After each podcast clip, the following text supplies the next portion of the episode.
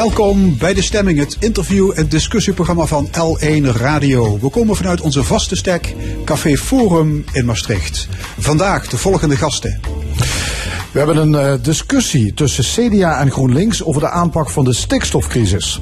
Karin Krutse schreef een boek over haar, haar, herinneringen aan het zuiden. En onze politiek analist Joop van den Berg over het fenomeen Mark Rutte.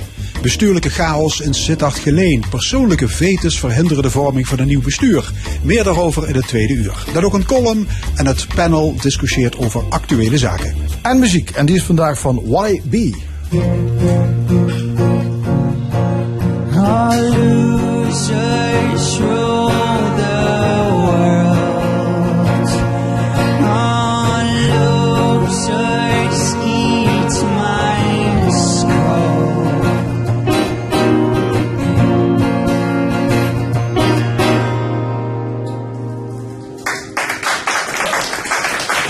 straks meer van YB in de stemming. Deze week kwam de commissie Remkes met maatregelen om de uitstoot van stikstof in te perken. En dat is nodig omdat de Raad van State een streep zette door het soepele stikstofbeleid van de overheid. Gevolg, duizenden projecten zoals de bouw van woningen, veestallen en wegen staan op de tocht. Over de voorstellen die nu zijn gepresenteerd gaan we discussiëren met twee statenleden. Pepijn Baneke van GroenLinks en Rudy Tegels van het CDA. Heren, welkom.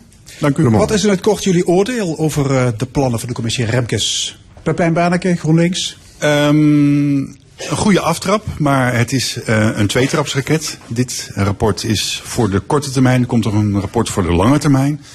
Maar voorlopig, uh, ja, een goed begin. Rudy Tegels, CDA, wat is uw oordeel over de nota niet alles kan? Ja, inderdaad, een, een, goede eerste aanzet. Maar het is belangrijk dat de minister nu gaat komen met, met daadwerkelijke maatregelen. Zodat we op korte termijn met een praktische inslag gewoon weer de vergunningen ja, kunnen gaan We zijn het eigenlijk met elkaar eens. We kunnen, we kunnen wel ophouden. nou, dan gaan we weer naar huis. Nou, ik denk dat het iets wat genuanceerder ligt. Meneer Tegels, vindt u het terecht dat we in actie moeten komen om onze kwetsbare natuur te redden? Is het 2 voor 12? Nou, het is in ieder geval belangrijk dat de natuur uh, de, de, de aandacht blijft krijgen die, die ze verdient. Daar kan ook niemand op tegen zijn. Als je gaat kijken naar de hele stikstofproblematiek, hè, zoals het omschreven wordt, dan moeten we ons ook realiseren dat we te maken hebben met allemaal gemeten, uh, of nee, berekende uh, resultaten. Hè. Dus we berekenen de uitstoot op de natuurgebieden. Terwijl het veel beter zou zijn om het werkelijk te gaan meten. En dat is inderdaad die tweede uh, stap die gezet gaat worden, waar de commissie Remkes mee in de slag gaat. Ja. Dus in plaats van berekenen door computermodellen, gaan meten zoals het werkelijk is. Ik hoorde de voorzitter van LTO Nederland spreken van natuurfundamentalisme. Wat vindt u daarvan? Ja, goed. Um, je hebt altijd te maken met tegenstrijdige belangen. Uh, waar je in deze discussie ook tegenaan loopt, is dat mensen met, ja, die, die, die uh, in het verleden aanzien opgebouwd hebben, ook wat roepen. Hè? Als je bijvoorbeeld kijkt naar, naar Ed Nijpels, die, uh, die dan ook weer het probleem heel erg groot maakt. Terwijl hij in het verleden, toen hij minister van Milieu was, om eens een voorbeeld te noemen hoe roeptoeter in zijn werk gaat. Hè. In 1989, toen was hij minister van Milieu. En toen uh, voorspelde hij dat er door de zure regen in 2000 geen enkele boom meer in Nederland zou staan. Nou, je ziet wat het effect is geweest. Dus ik vind het altijd belangrijk dat mensen... Er zijn toch ook maatregelen getroffen waardoor die zure regen niet meer voorkomt? Ja, goed, maar het feit dat toen geroepen wordt dat er geen enkele bomen zou staan, dan denk je, ja, waar wordt erop gebaseerd? En het is ook goed dat is teruggekeken wordt naar zo'n vergaande uitspraken die in de praktijk toch niet ja. gaan zijn ja, zoals, zoals voorspeld worden. Pepijn Berneke? Ik woon in een bos. Um, ik, mijn buren zijn boswachters en die hebben me af en toe meegenomen van kijk nou eens naar het bos, wat er gebeurt werkelijk. En je ziet echt gewoon het bos achteruit gaan. In principe zou er gewoon een gesloten bladerdek moeten zijn. Nou is het nou herfst, dus dat valt een beetje tegen. Maar uh, eiken overlijden, er is gewoon echt serieus problematiek op dat gebied. Ja, de biodiversiteit is er beroerd aan toe. Nou goed, de tegels. Uh, de natuur is gewoon belangrijk. Uh, maar het is ook belangrijk dat wij discussiëren op basis van feiten. we hebben tegenwoordig moderne meettechnieken. En wij pleiten er dan ook voor dat er snel gestart wordt met het meten van die feiten. Nou, u vindt dat er te veel leuter koek wordt, wordt verkocht? Nou, op basis van veronderstellingen worden discussies aangegaan. Hè? En op basis van berekeningen van computermodellen worden conclusies getrokken. En uh, wij denken dat we ook op het gebied van de natuur uh, aan de slag moeten met feiten. Maar de, de VVD vindt trouwens dat we te veel Natura 2000 gebieden hebben. Want met minder beschermde natuur heb je ook geen stikstofprobleem. Meneer Baaneke, wat Nou, het stikstofprobleem heeft natuurlijk gewoon bestaan. Alleen heb je minder natuurgebieden waar het in neerslaat. Maar ik vind dat we een wezenlijke eh, discussie missen hier nu ook aan tafel. Van, Maar we zijn pas net gaan bego- we zijn pas begonnen. Ja, nee, maar we, gaan het, we hebben het nu over technische maatregelen en dingen en berekenen en zo. Maar je moet gewoon nadenken van hoe gaan wij eh, eh, onze leefomgeving anders inrichten? Hoe gaan wij anders om met natuur, met landbouw? Hoe zorgen we dat boeren werkelijk eh, in combinatie kunnen boeren met de natuur? Daar ook goed geld mee kunnen verdienen. Of in ieder geval een goede boterham mee kunnen verdienen. Zonder dat de natuur daar schade aan leidt. En Goed, laten we een paar maatregelen van die commissie Remkes onder de loep nemen. Eh, het opkopen van veebedrijven in de buurt van kwetsbare natuur. Meneer Tegels, wat vindt u daarvan? Op zich zou dat een oplossing kunnen zijn. Hè? Ehm, maar nogmaals, daar moet ook weer, weer aangetoond worden hoe schadelijk het is. En ik wil even terug naar de, de Limburgse aanpak van die stikstof. Hè? Want als je gaat kijken wat landelijk voorgeschreven is, dan hebben we te maken met aanpak bij de bron. En je hebt herstelmaatregelen nodig. Hè? Dat is uiteindelijk waar de programmatische aanpak stikstof om begonnen is. En als we dan kijken hoe voortvarend wij in Limburg aan de slag zijn gegaan. En welke resultaten we ook bereikt hebben, dan durf ik de stelling aan als heel Nederland de pas had uitgevoerd zoals wij dat in Limburg hadden gedaan, dan was er geen probleem geweest. Kijk, die, die bronmaatregelen die geven aan dat ehm, bij, een, ehm, bij een initiatief moet er ook een reductie zijn van stikstof. En als je daar gaat kijken, pak bijvoorbeeld de agrarische sector. Daar hebben wij 85% gereduceerd. Of we zitten op 85% eh, van, van de uitstoot, dus 15% reductie. Terwijl landelijk gezegd is, 5% is voldoende bij alle ontwikkelingen. Dus wij gaan verder dan wat landelijk is voorgeschreven. Als je dan gaat kijken naar de herstelmaatregelen, dan steken wij als provincie Limburg 80 miljoen extra in natuur. Dus u zegt eigenlijk dat dat rapport van de commissie Remkes is niet van toepassing op, op de provincie Limburg. Wij doen het al heel erg goed. Wij doen het echt goed. Baaneke, klopt dat? Nou, pro- een rapport van de provincie, eh, minister, eh, niet meneer, eh, de meneer Remkes, eh, ex-minister, ehm, zegt dat niet alleen eh, herstelmaatregelen nodig zijn, maar ook dat bij eh, reductie van stikstof er afgeroomd moet worden. Dus dat zeg maar het totale niveau naar beneden moet. En ik denk dat daar nog wel een wereld te De, vinden de is. landbouw is verantwoordelijk voor 42% van de uitstoot van stikstof. En we houden in Nederland 18 miljoen veedieren. Is minder kippen, koeien, varkens geen noodzaak? Nou, waar we, waar we moeten beginnen in de discussie is dat die agrarische sector sinds 1990 67% van de ammoniak al gereduceerd heeft. Dus het zou niet gepast zijn om Ja, maar vandaag... de natuur kasselt achteruit. Nou, maar het, het, het- dat is allemaal wat ik, waar we de discussie mee begonnen is. Het is op basis van computermodellen, het is op basis van berekeningen. En als we dan gaan kijken qua uitstoot, dat kun je meten. En hoe die neerslaat, hè, dat is vervolgens wat in de natuur neerslaat, dat is berekend. En ehm, het is heel erg belangrijk om in die discussie mee te nemen dat de, de agrarische sector de afgelopen jaren ontzettend veel Ja, geïnvesteerd heeft en ontzettend veel bereikt heeft op het gebied van ammoniakreductie. 67% reductie sinds 1990. Remkes pleit niet voor generieke verlaging van de veestapel, hè, want dat gaat jaren duren. Mhm. Had hij dat eigenlijk wel moeten doen? Ik denk dat het eh, belangrijk is om de punten van meneer Remkes uit het rapport eh, te, te halen waar echt de focus op ligt. En dat is namelijk, we zitten nu weer over eh, getallen te, te praten, maar er moet een, een change of mind komen. Niet alleen op het gebied van landbouw, maar ook op het gebied van bouwen, mobiliteit. Ga circulair, gebruik de spullen opnieuw. Zorg dat de stikstofuitstoot op die manier naar beneden gaat. Wij kunnen als eh, Nederland, als Limburg, proberen om eh, Europa te voeden met vlees, bij wijze van spreken. Maar ik het laatste stuk, en in Limburg hebben we ook sterke tuinbouw. Een kilo eh, zaadjes van tomaten is duurder dan een kilo goud. Dus probeer dan op die manier innovatief landbouw te bedrijven, zodat je niet hier de productie hebt, maar hier wel de aanzet doet om eh, productie ergens anders ook mogelijk te maken. Zodat je niet hier ook alle uitstoot hebt, maar dat het evenredig Juist- verdeeld wordt door heel Europa. innovaties ontstaan door het feit dat we hier productie hebben. Een ontzettend mooi voorbeeld over, een, de, over de wijze waarop duurzaam vlees geproduceerd kan worden... was afgelopen vrijdag, eh, waarvoor wij ook als staatsleden waren uitgenodigd. Toen hadden we namelijk de opening van het pluimveebedrijf van het nieuw gemengd bedrijf in Grubbevorst. Dat zijn ondernemers die zijn al 17 jaar bezig met, het, eh, met dit initiatief en ze zijn nu klaar. De dieren zitten in de stal. En die zijn op zo'n duurzame manier bezig dat daar nul ammoniak wordt uitgestoten. Op de vergunning staat 90% ammoniak moet gereduceerd worden. Zij reduceren 100%. Dus de meest duurzame stal is het nieuw gemengd bedrijf. Baneke GroenLinks. De vraag is of je dat duurzaam noemt. Misschien op ammoniakgebied wel, maar niet op het gebied van dierenwelzijn en omgaan met dieren. Want aan de overkant ligt namelijk het bedrijf Kipster. En dat zou ik wel een duurzaam bedrijf willen noemen. En dit is echt gewoon dieren in een hok stoppen en de deur dicht doen. Ik ben nu geweest kijken afgelopen vrijdag, want we hebben allemaal een uitnodiging gehad. Ja, ik heb de, de beelden gezien. Maar niet zelf geweest kijken. Niet zelf geweest kijken, want uh, we hadden een statenbijeenkomst. D66 pleit voor halveren voor de veestapel. Daar bent u ook voor, GroenLinks? Ik vind dat we moeten gaan kijken hoe we circulair kunnen uh, boeren. En als dat een krimp van de veestapel inhoudt, dan zijn we daar zeker voor. Maar je moet gaan boeren met de mogelijkheden die het land biedt. Goed. Ander voorstel voor de commissie Remkes: verlaging van de maximumsnelheid op provinciale wegen en snelwegen. Um, Rudy Tegel, CDA, wat vindt u daarvan? Op zich is het ook goed, hè? kijk, we moeten, we moeten ergens beginnen. Dus dat Remkes dit bekeken heeft, is prima. Um, maar als ik zelf kijk, als je op de weg zit, um, dan heb je daar personenauto's, hè, daar gaat het nu specifiek over. Maar we hebben ook een hoop vrachtverkeer op die weg zitten. Ik vind het jammer dat in dit rapport alleen gekeken is naar personenauto's, hè, die er ook duidelijk meer ja, zijn gekomen. Vrachtverkeer komt in fase 2 aan de orde, in een volgend rapport. Ja, precies, maar dat, dat had inderdaad in, in, ook in deze fase meegenomen kunnen worden in, in, in, mijn ogen. En de vraag is of het ook daadwerkelijk heel veel doet, dus het verlagen van die maximumsnelheid. Ja, dat zegt de ANWB ook. Verlaging voor de snelheid is duur en levert nauwelijks stikstofreductie op. Uh, want het wegverkeer is maar verantwoordelijkheid voor 6% van de emissie.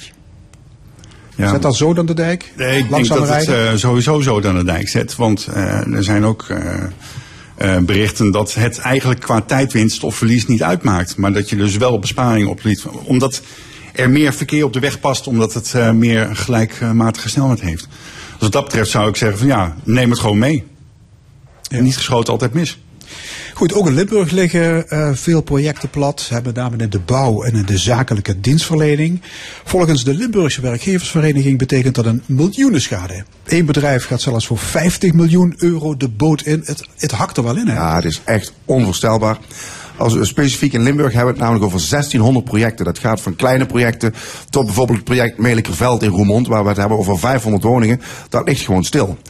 En daar is ook de reden dat het belangrijk is dat op basis van het rapport van Remkes de minister gaat komen met de wijze waarop we op een praktische manier toch snel weer vergunningen kunnen gaan verlenen. U vindt dat de vergunningverlening weer op gang moet komen? 100 procent.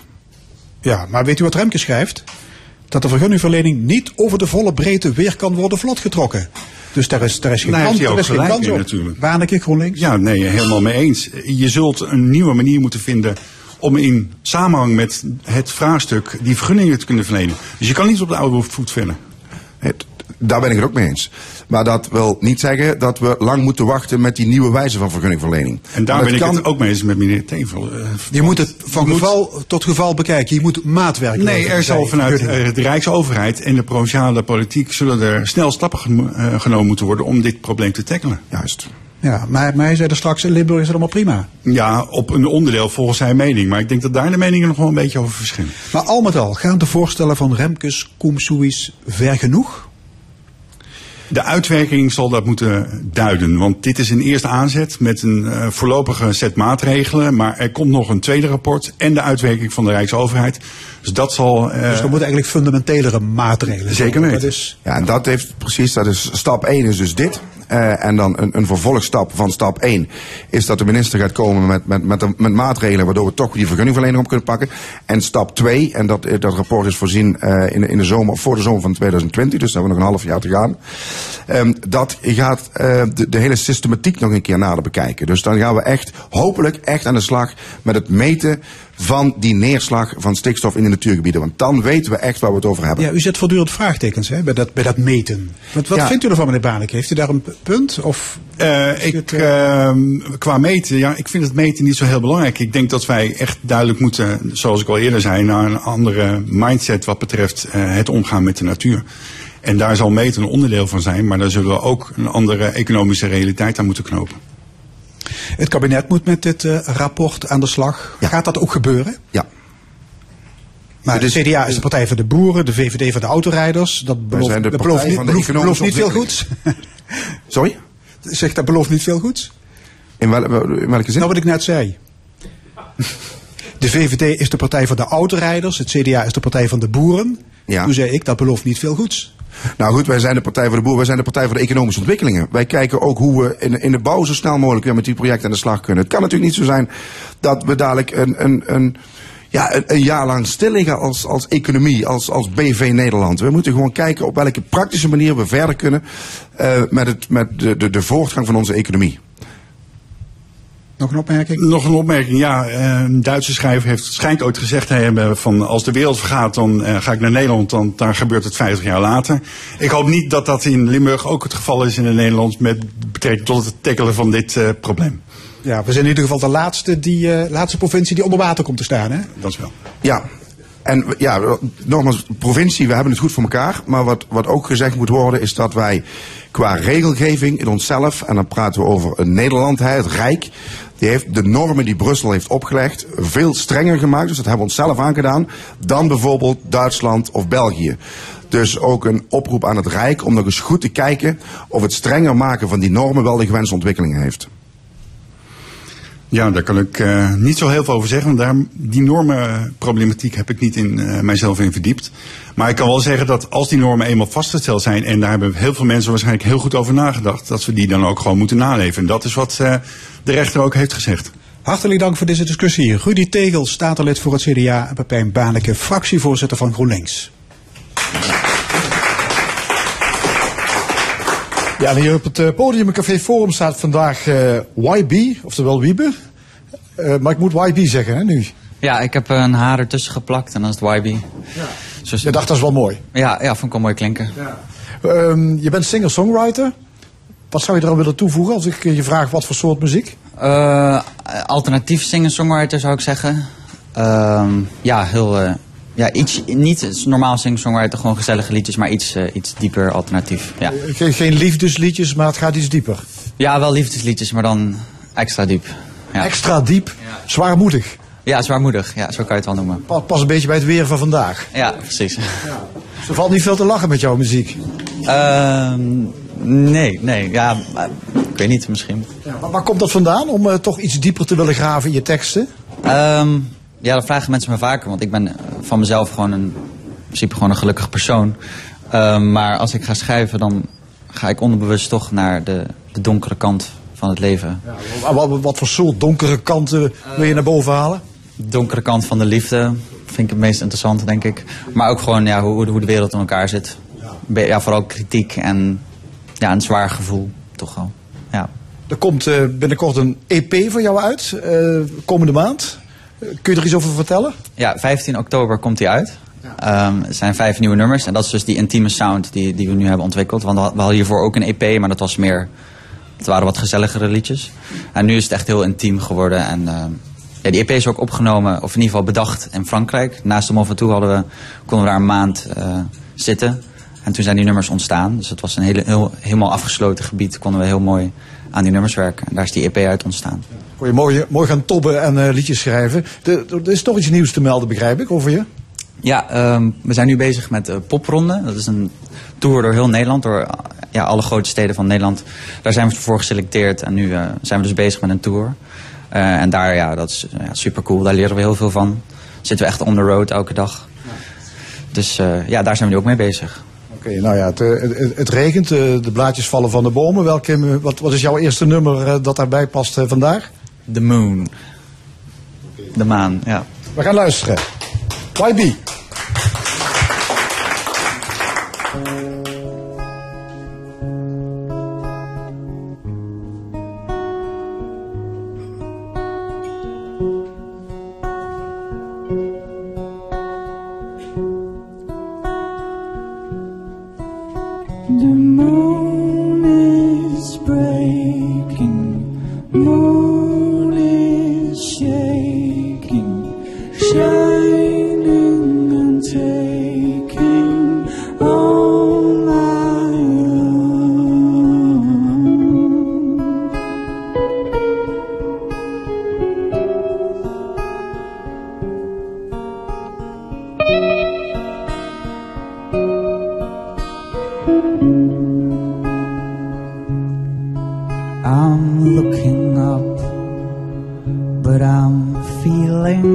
down. My body is broken when you are around. Purple lips kissing me through the blue green sky. And she's taking me, I'm far away, the earth feels like a love. The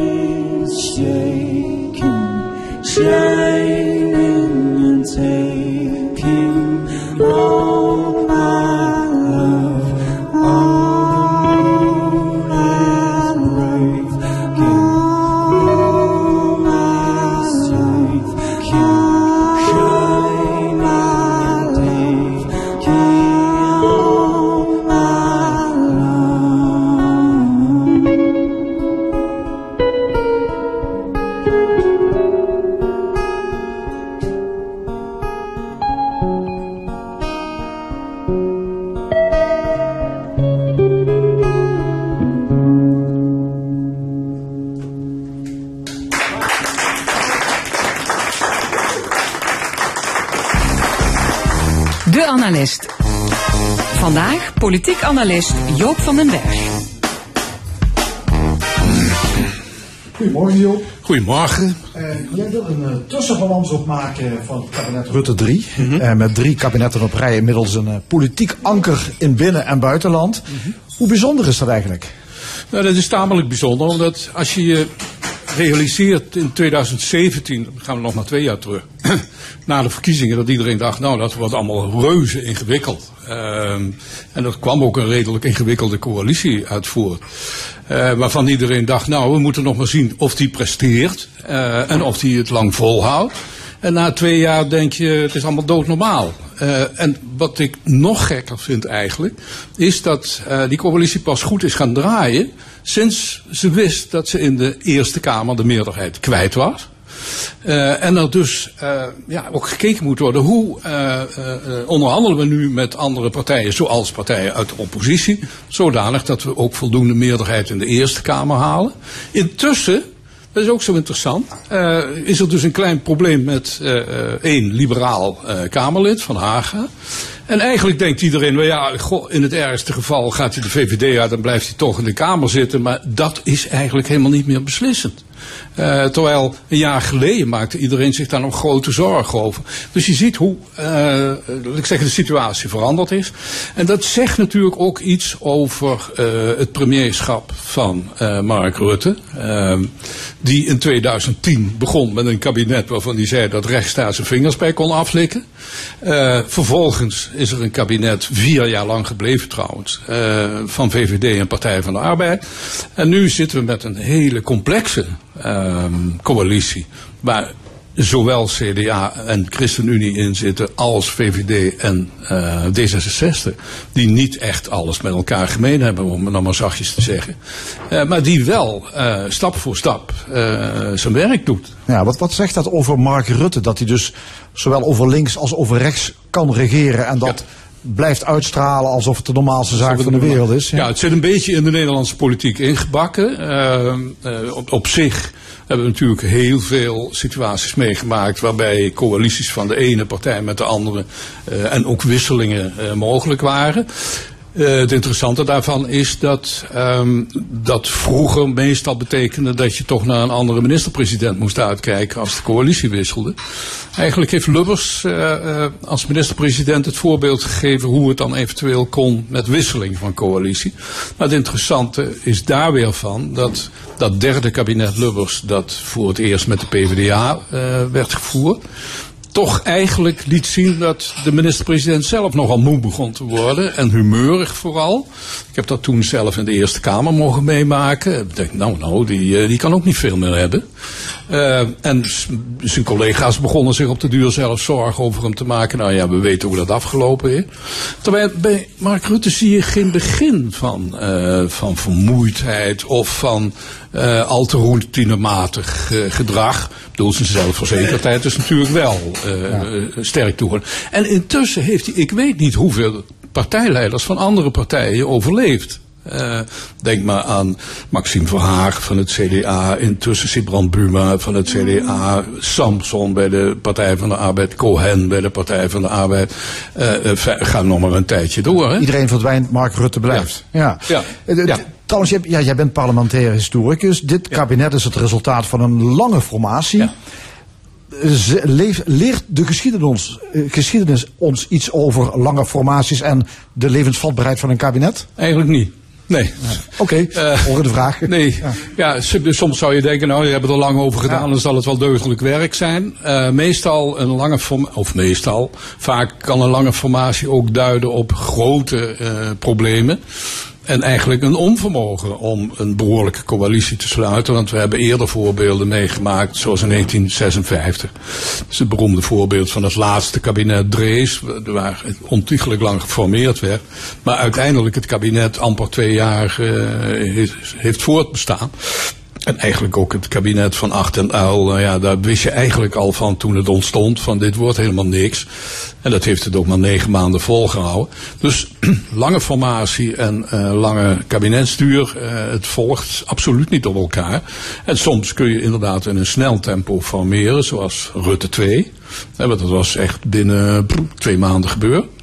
En dat heeft het vier jaar volgehouden. Zei het dat het wel ten koste gegaan is bijna van het voortbestaan van de Partij van de Arbeid. Maar Ja, en nu zit er een kabinet eh, van, je noemde de partijen al, hè, VVD, CDA, D66, ChristenUnie. Daarvan werd aanvankelijk gedacht, dit gaat niet goed. Daar had je het ook al over. Hè, vier partijen, kleine meerderheid, misschien nu niet eens meer echt een meerderheid. Maar het tegendeel blijkt dus waar. Waar- zit hem dat inderdaad in de persoon Mark Rutte? Onder andere niet alleen hoor. Eh, want kijk, de vrees van een aantal partijen was samenwerking met de VVD, in casu met, eh, met Rutte als premier. Dat eh, betekent dat je zelf onderuit gaat. De Partij van de Arbeid was er natuurlijk wel een heel sterk voorbeeld van. En de partijen die gingen onderhandelen in 2017 deden dat ook met dat schrikbeeld voor ogen. Eh, en dat blijkt dus maar ten dele te werken. CDA en D66 gaan er in de peilingen wel op achteruit, maar niet zo dramatisch dat je moet vrezen eh, voor een voortbestaan. En de ChristenUnie gaat er zelfs op vooruit. Eh, die is een soort eh, ja, een monument van, eh, van stabiliteit en van in, innerlijke rust.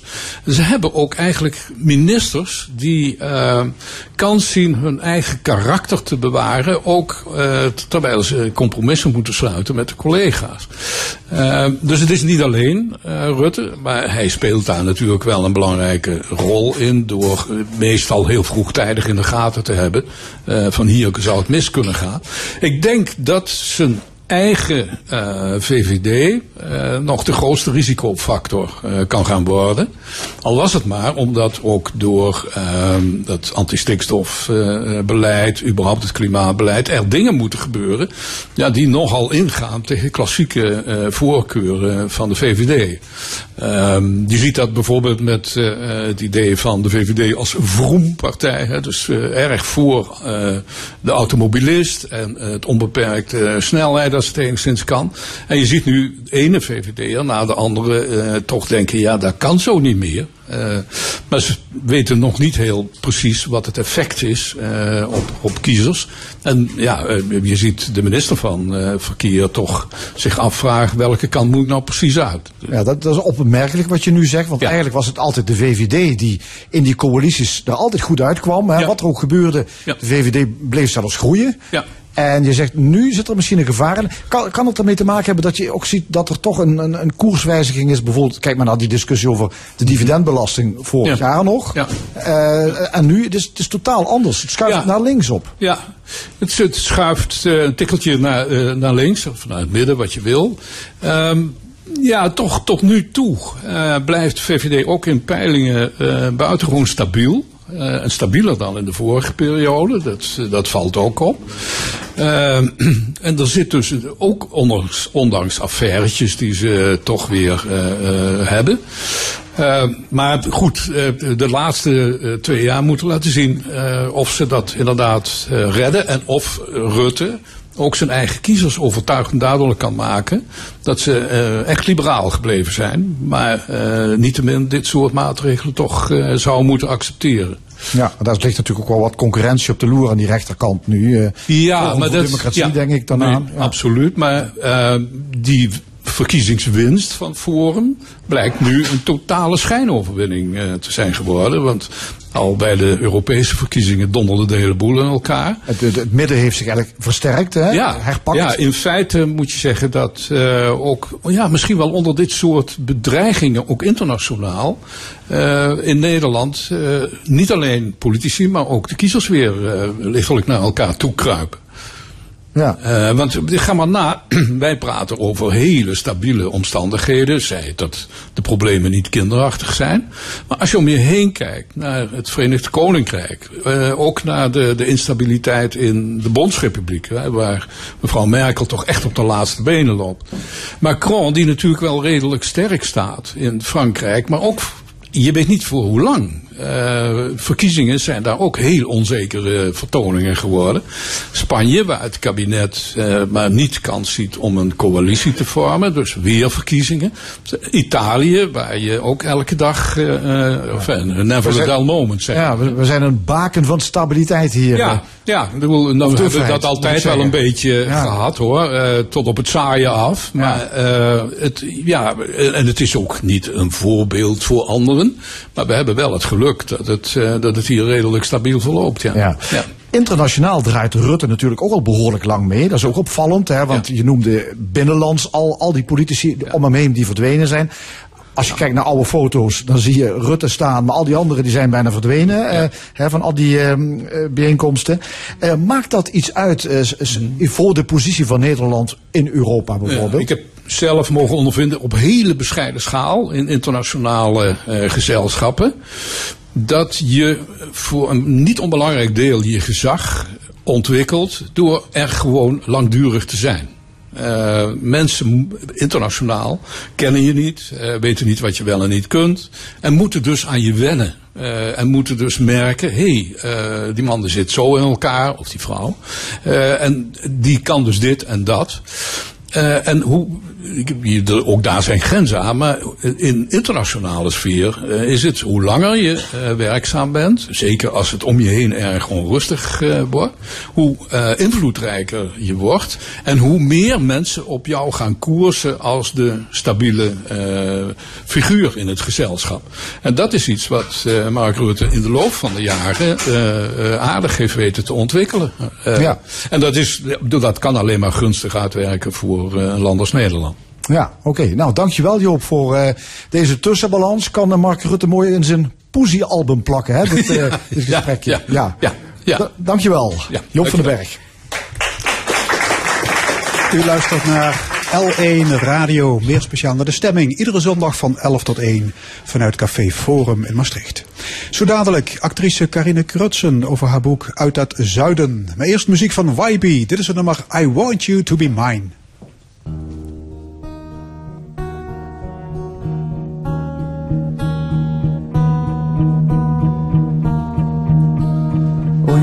Winter is freezing and I'm trying to be nice. What if I'm jealous of your future in time? You tell me you are leaving, you're making a career. But how can I ever live without your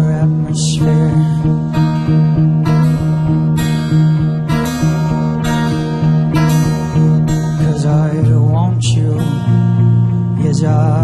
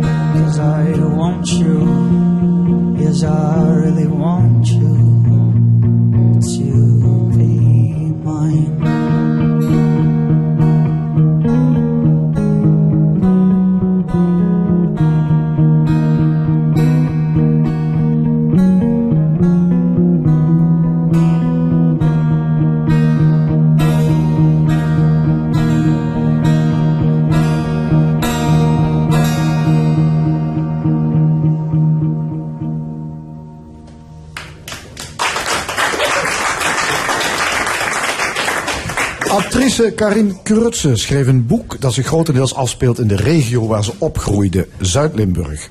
En vandaar de titel Uit het Zuiden. Het zijn herinneringen aan haar jeugd, het ouderlijk huis, de toneelacademie en vooral aan haar ouders.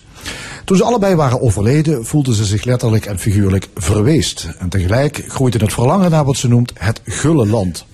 Ze huurde een vak- vakwerkhuisje bij Veilen en schreef alles van zich af. Bij aan tafel Karin Krutsen. Mevrouw Krutse, welkom. Ehm, ja, toen ik het boek uit had, was mijn eh, humeur verpest. Serieus? Ja, vanwege alle ellende van het levenseinde. Kunt u zich dat voorstellen? Eh, ja, maar tegelijkertijd denk ik nu, het is niet een ellendig, verschrikkelijk boek, denk ik dan. In de sfeer, in de zin van, wat een, wat een ellende. Dat denk ik niet. nee, maar je wordt er wel door geraakt. Nou, dat is Door- iets heel door- anders. ja. Daar ben ik ontzettend blij om. Ja. Dus dat is de bedoeling. Ik heb iets geschreven met de bedoeling dat mensen die het lezen geraakt worden door dingen. En wat mij betreft niet alleen door ziekte en dood, maar ook juist door de kleine momenten in het leven ehm, die zo ongelooflijk belangrijk blijken te zijn. En kleine herinneringen die opkomen op het moment dat, ehm, dat er een belangrijk gedeelte van je leven wegvalt. En dat was in mijn optiek het overlijden van mijn ouders. Het was alsof ik zelf een beetje doodging. Ja. ja, het tweede deel van het boek gaat over de aftakeling van, u, van uw ouders. Hè. Uw vader krijgt Parkinson en Alzheimer. Uw moeder longkanker. Ja. U woonde in Amsterdam, zij in Heerlen. Wa- Was dat lastig? Ja, dat is. eh, ik ben actrice. Dat is mijn eerste, eerste vak, zal ik maar zeggen. En dat houdt in dat ik door het hele land moet reizen om voorstellingen te spelen. Dus ik ga van Leeuwarden naar Groningen en dan weer naar Delft en dan weer naar Zeeland en Limburg. Dus als er iets acuuts aan de hand eh, was met eh, mijn ouders en ik stond in Leeuwarden, dan kon ik niet zomaar de volgende dag naar Limburg. Dus die, en, en dan woonde ik zelf in Amsterdam. Dus die afstand was, dat, dat was lastig. Ja, en je hebt zelf nog een gezin om eh, Zeker. te bemoederen, zou ik maar zeggen. Had ik, nou, nu ben ik wat, dus wat minder. eh, dat, dat, die die zijn nu volwassen, maar toen was dat in de periode dat ze nog thuis woonden. Ja. Zou u een fragment over uw vader willen voorlezen? Hij woont in een verpleeghuis, eh, zit in een rolstoel. Het staat op bladzijde 182. Ik heb hem, maar het is moeilijk, want je hebt me gevraagd om een stukje voor te lezen. Maar eigenlijk is dit een opbouw van een beetje dichterlijk, eh, eh, dichterlijk stuk. Maar goed, Ja, het is heel poëtisch, Ja. staccato opgeschreven. Ja. Oude man is boos op zijn stoel. Hij wil niet luisteren naar zijn wil. Oude man zit vast. Een riem omknelt zijn buik. Oude man vecht. Woede sterkt zijn kracht. Oude man duwt zichzelf omhoog, gooit zijn lichaam over de stoel. Oude man ligt op de grond. Weet niet hoe dat kan. Oude man heeft pijn. Oude man is moe. Oude man, nieuwe dag. Oude man weet van geen vorige dag. Oude man is gewond. Blauw ontsiert zijn slaap. Oude man wil lopen. In zijn herinnering loopt hij. Geleerd als kind. Fluitje van een cent. U bent eh, ja, nog piepjong, maar heeft het u zelf aan het denken gezet over de oude dag? Nou, dank u wel voor het compliment. Piepjong. Ehm eh, heeft het mijzelf aan het denken gezet. Eh, bent u er zelf benauwd voor? voor Voor wat er aan zit te komen, ja. nee, nee, ik ben daar niet bang voor. Maar het, is het leven kan heel ellendig zijn. Het leven kan ook heel mooi zijn. Maar om daar nou bang voor te zijn, eh, heeft niet zo heel veel zin. Ehm, ik probeer het leven sowieso een beetje te benaderen vanuit eh, zo min mogelijk angst hebben. En eh, de dingen doen die je wilt doen. En je eigen leven te leiden. Zonder de angst je te laten stoppen. Uw ouders zijn allebei dood. Dan is ook de band met Zuid-Limburg doorgeknipt. Hè. U heeft in feite hier niks meer te zoeken. En dan huurt u een vakwerkhuisje in, in Veilen om een boek te schrijven. Nou, Wat is heb- precies de bedoeling? Het is, dat is dus niet zo. Ik heb hier wel degelijk iets te zoeken. Het is het land waar ik vandaan kom. En daar gaat het hele boek over. Het boek gaat over eh, dat het nest waar je uitkomt zo ongelooflijk belangrijk is. En daar hoort Limburg bij, daar hoort de taal bij, daar hoort het gezin bij waar je uitkomt. En dat speelt, eh, ben ik ook achtergekomen, eh door je hele leven. En dat verandert eigenlijk niet zoveel. Ik bedoel, degene die ik nu ben, is ook dat meisje wat ik toen was. Ehm, en toen ik dit boek ging schrijven, heb ik eh, mijn toneelafspraken stopgezet op een gegeven moment. En de noodzaak om dit te schrijven was zo groot dat ik dacht, ik, ik moet hier gehoor aan geven. En herinneringen komen op, die ploppen op. Ehm, daarom heb ik ook gekozen voor fragmenten, want zo dient herinnering zich aan. En toen wilde ik eigenlijk in Frankrijk of Italië gaan schrijven. En ik zocht een huis, omdat ik daar vaak op vakantie ga, dat mooi vind. En toen zocht ik een huisje buiten. En ik had eigenlijk een beeld voor me van een vakwerkhuisje, op platteland, koeien en schapen en paarden. En ik vond het daar niet, want dan was het weer te ver weg van de stad. Bla bla bla. En opeens dacht ik, volgens mij zoek ik gewoon Limburg. Het was zo voor de hand liggend dat ik er eigenlijk aan voorbij was gegaan. En toen vond ik dit geweldige huisje in Veilen en daar heb ik twee maanden gezeten. De eerste hoofdstukken zijn jeugdherinneringen. Eh, ik denk voor heel veel mensen herkenbaar. Hè, over het vouwen van de was. Ja. Over het soppen van brood in het vet van de uitgebakken spekjes. Spekjes. De Vivo. Wie, wie kent de Vivo nog? Ja, hè? ja. Eh, de eerste heilige communie. Ja. Is er nog iets over van dat Roomse gevoel? Ehm, ja, wat er over is, is dat ik altijd, als ik bijvoorbeeld in het buitenland ben of hier in Maastricht ben, de kerk binnenloop. Dat is over. Ik hou van de gebouwen, ik hou van de kerken, maar ik heb verder helemaal. ehm, ik bedoel, dat zit in je. You can take the, the girl out of the country, but you can never take the country out of the girl. Dus ook eh, waar ik mee ben opgevoed, het katholicisme, dat haal je niet weg. Maar als je Of de vraagt, rituelen en de mystiek en de geur van de... exact. Ja. Maar ik wil, ik wil wel van mezelf zeggen dat ik eigenlijk atheïst ben. Het is niet zo dat ik eh, sowieso, zodra een religie een instituut wordt, wordt het heel gevaarlijk. Want dan heb je regels van bovenaf en verplichtingen. En dan gaan andere mensen zeggen wat je zou moeten doen en hoe wat goed is en wat niet. En daar ben ik heel huiverig voor. Een rode draad in het boek is eh, ja, de wat getroubleerde dochter-moeder relatie. Uw moeder was nogal licht omvlambaar, klagerig, kritisch vooral. Ehm, ja, was dat nu eenmaal haar karakter? Mijn moeder was ook zeer humoristisch en geestig. En eh, wij hadden een beetje een Italiaanse verhouding. Dus wij konden enorm kwaad worden op elkaar, vlam in de pan. En dan ehm, even daarna was dat ook weer weg. En mijn vader stond daar dan altijd met uh, hoofdschuddend bij. En ik snap er helemaal niks van hoe dat bij jullie werkt. Maar mijn moeder was ook heel kritisch en veel eisend. En ik denk dat ik voor een gedeelte ook wel.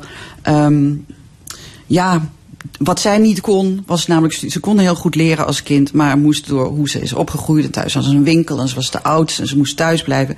Niet eh, verder studeren. Eh, ze kon goed zingen. Dus ze had Ja, jullie zongen iets- samen heel vaak, hè? Ja, wij zongen. U de lage stem, zij de hogere Zij stem? de hoog, zij Oh, had zij een hogere stem dan ik. Dus wij zongen heel vaak tijdens de afwas eh tweestemmig. Ja. Van muziek wat ik dan allemaal mooi vond. En dat vond zij dan ook mooi. En, Maar heeft u al met al een gelukkige jeugd gehad in Heerlen? Eh, ja, ik vind dat ik. Ik kom uit een warm nest, maar het is natuurlijk niet probleemloos. Zoals denk ik geen enkel leven probleemloos is. En ik heb ook gedacht, ik moet de dingen. eh, eerlijk en persoonlijk en schaamteloos opschrijven, want dat is de enige manier waarom het voor een nut heeft voor een lezer. Ik hoop dus heel erg dat de dingen die ik mij herinner, dat dat ook weer herinneringen bij de lezer eh, oproept. Ja. En je je eigen herinneringen krijgt. Na het gymnasium ging u eh, psychologie studeren. Halfjaartje. Maar een halfjaartje, ja, statistiek interesseerde u geen zak. U wilde per se naar de Nee. toneelacademie. Nou ja, ik En- en durfde u- eerst niet. Maar Het uw vader zag dat artiestenbestaan niet zitten. Nou, mijn En- vader was natuurlijk bang voor zijn dochter dat hij dat hij een heel onzeker bestaan zou gaan leiden, niks zou verdienen. Een Ja. kind toch, hoe moet dat nou allemaal? Ja, maar uw moeder wel. Ja, mijn moeder, die, die had dat, dat, die behoefte eigenlijk, die durfde dat niet, maar die wilde ook wel op een podium. Die zag dat bij mij en die dacht, eh, volg nou je hart. En ehm, toen ik inderdaad opbelde vanuit Nijmegen, waar ik inderdaad psychologie studeerde, en zei ik ga nu naar de toneelschool.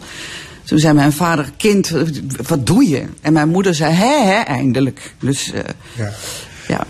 Op die school wordt uw Limburgse accent eruit geramd. Eh, volgens uw docent sluit u de zinnen niet af. Laat u alles hangen. U moet spreken zoals je een bord op tafel zet. Ja, je moet iets neerzetten. Nou, Limburgs is zangerig, dat weet iedereen. Als ik Limburgs van kallen, dan gewoon ik ook, heb ik totaal andere melodie. En dan gewoon ik denk ik ook een beetje hoger kallen. Maar als je, als je Nederlands praat, dat is, ehm, dat is meer een taal die, eh, als je bijvoorbeeld zegt, ik wil, eh, morgen een tas koffie. Dat is een beetje twijfelend. Alsof je denkt, wil ik eigenlijk wel koffie? Maar als je zegt, eh, ehm, ik wil graag een kop koffie, dan zet je hem neer. Dus Nederlands zet veel meer de zinnen neer. Het is veel stelliger in die zin. Eh, Limburgs is vragender. Dus als je te veel vragen speelt, dan krijg je iets heel anders en iets wijfelends. Terwijl als je eh, het Nederlands gebruikt zoals het Nederlands is, dan zijn sommige dingen, ja, dat, dat is gewoon zo. Je stelt dat het zo is. Dat is een groot verschil. En hij was, dat was een Roemeense leraar en die sprak niet eens Nederlands. maar die hoorde wel ehm, aan de zinsmelodie. Da, da, da, da, da, da, deed hij dan. Dus het is, is geen opa. Het is gewoon, je moet taal gebruiken, je moet dingen neerzetten. En dat oefen ik letterlijk zo met een kopje en neerzetten. Neerzetten, ja. En ze vonden u ook veel te... dan geen toneel spelen? Zeker wel. Natuurlijk, maar dan moest ze ook Limburgs kallen. En dan, kreeg ze, eh, eh, ja, dan werd het anders. Ik zou heel graag een keer met Limburgs eh, spelen, een, een stuk spelen. Maar als je Tsjechov, noem maar wat, een mooie schrijver, maar Brecht, Shakespeare, alles. Als je dat op een zangerige manier doet, dan gaat het gewoon afleiden. En eh, het is niet zozeer de zachte G, het is meer de O en de A en de E en de zangerigheid. En dat leidt af. Net zoals een Groningse ingeslikte E ook afleidt. Of een Zeeuwse eh God no him. het is, alles- ja, ja, ja, je, ja. hebt Nederlands en je hebt Limburgs. En ik ben dol op Limburgs. Maar Nederlands is Nederlands, Limburgs is Limburgs. Ze vonden u ook veel te keurig, te beschaafd. Hè? Er moest te vuil en viezigheid bij, staat in het boek. keurig En dan krijgt u van een Vlaamse docenten de opdracht om een striptease te doen. Ja. U dacht niet, bekijk het maar met je striptease. Eh, nee, dat dacht ik niet. Ja, dat dacht ik. Natuurlijk dacht ik dat wel. Maar eh, je hebt op een toneelschool krijg je leerpunten, zoals dat dan heet. Dus er moest bij mij inderdaad meer vuil bij, want ik was te keurig. En, eh, ehm, en dat is natuurlijk een, een klas, dan moet je je bij voorstellen, er zijn zes tot acht mensen, die zitten dan in een kring. En dat ging bij eh, groepsdynamica, daar ging het dan over. En ik moest mij openen, was eigenlijk de opdracht. En omdat ik een beetje, ehm, ja, los moest komen, had zij voor mij de opdracht bedacht dat ik een striptease moest doen in de klas. Ja, je een stukje willen voorlezen? Ja, was ook geen muziek. Bladzijde 100. er was geen muziek bij. Nee, er was geen muziek. Oké.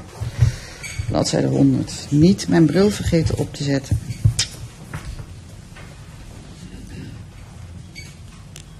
Oké, ik moest dus inderdaad een striptease doen.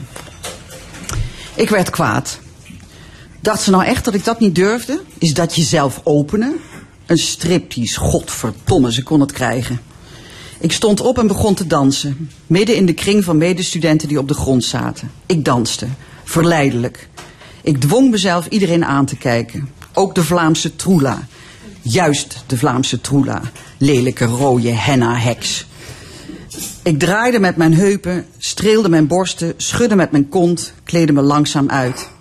Elk kledingstuk smeed ik weg, zoals ik het meisjes uit nachtclubs in films had zien doen. Geen schaamte toelaten, niet doen, hou vol. Ik danste op woede, op de wil deze onaantrekkelijke troll te laten zien dat ik haar de baas was. Naakt stond ik voor haar, hijgend. Ja, dat was heel goed, dank u. En of dat goed was, godverdomme. Eh, na de academie eh, raakte u in een flinke eh, depressie die een paar jaar duurde. Ja. Ehm, hoe bent u eruit geraakt en welke levenslessen heeft u eruit getrokken? Eh, ik, ik was depressief, ik was ziek. En dat is niet een beetje somber of eh, een beetje burn-out of zo. Of, dat wil ik allemaal niet bagatelliseren, maar depressie is een ziekte. En dat is zeer ernstig. En het was zo ernstig eh, dat ik ehm, niet, niet wist of ik eigenlijk wel door kon met het leven. Niet omdat ik niet wilde leven, maar omdat het niet op te brengen was. De zwaarte was te, te groot. Ehm, op het moment dat ik eigenlijk onderkende dat er een uitweg was, namelijk dat je dood kunt, als je dat niet meer kunt verdragen. Op dat moment werd de gedachte aan dood een troost. En vanaf dat moment ging het eigenlijk beter. Ik verloor angst. Ik verloor. eh, er zijn mij een aantal dingen overkomen op straat. En dat ik op de grond lag. En dat iedereen gewoon voorbij liep. En dat ik verder kroop. En ik dacht, als dit allemaal. Wat maakt het uit? Dit is van tevoren ongeveer het ergste wat je denkt dat je kan overkomen. En als het gebeurt, gebeurt er eigenlijk helemaal niks. Dus voor wie en wat moet ik bang zijn? Door te onderkennen dat ik zwak was. Dat ik kwetsbaar was. ehm, ging het eigenlijk beter. En dat is dan een proces van vier jaar. Van heel erg slecht, dan weer een beetje beter, dan weer slechter. Stukje bij beetje vooruit. En wat ik eruit geleerd heb, is met minder angst eh, te leven. En eh, zoiets als met dit boek toevertrouwen aan papier en daar niet bang voor zijn. Ja. Uit het zuiden is autobiografisch. Toch staat in het begin van het boek een roman. Ja. Wa- waarom is dat? Nou, het staat er zelfs voorop dat het een roman is. Ik, was, ehm, ik kwam bij mijn uitgever, eh, De Geus, Frits van der Meij. is de nog uitgever. 15 seconden. 15 seconden. Goed, ik ga het heel snel vertellen. Hij zei, dit is een roman in 101 hoofdstukken met vijf perspectiefstukken. Ik blijf over met personages die in mijn hoofd rondspoken. En dat maakt het voor mij een roman. Het boek Uit het Zuiden is verschenen bij uitgeverij De Geus. Karine Krutsen, Oh, ik moet nog zeggen dank. dat ik straks eh, signeer een Vanmiddag om boekhandel 4 uur, Dominicaan om boekhandel 4 de uur. Ja. in Maastricht. Dankjewel. Ja, ja. En zo meteen na het NOS Journaal van 12 uur de crisis in Sittard Geleen, een column van Jos van Wersch en het opiniepanel over actuele onderwerpen.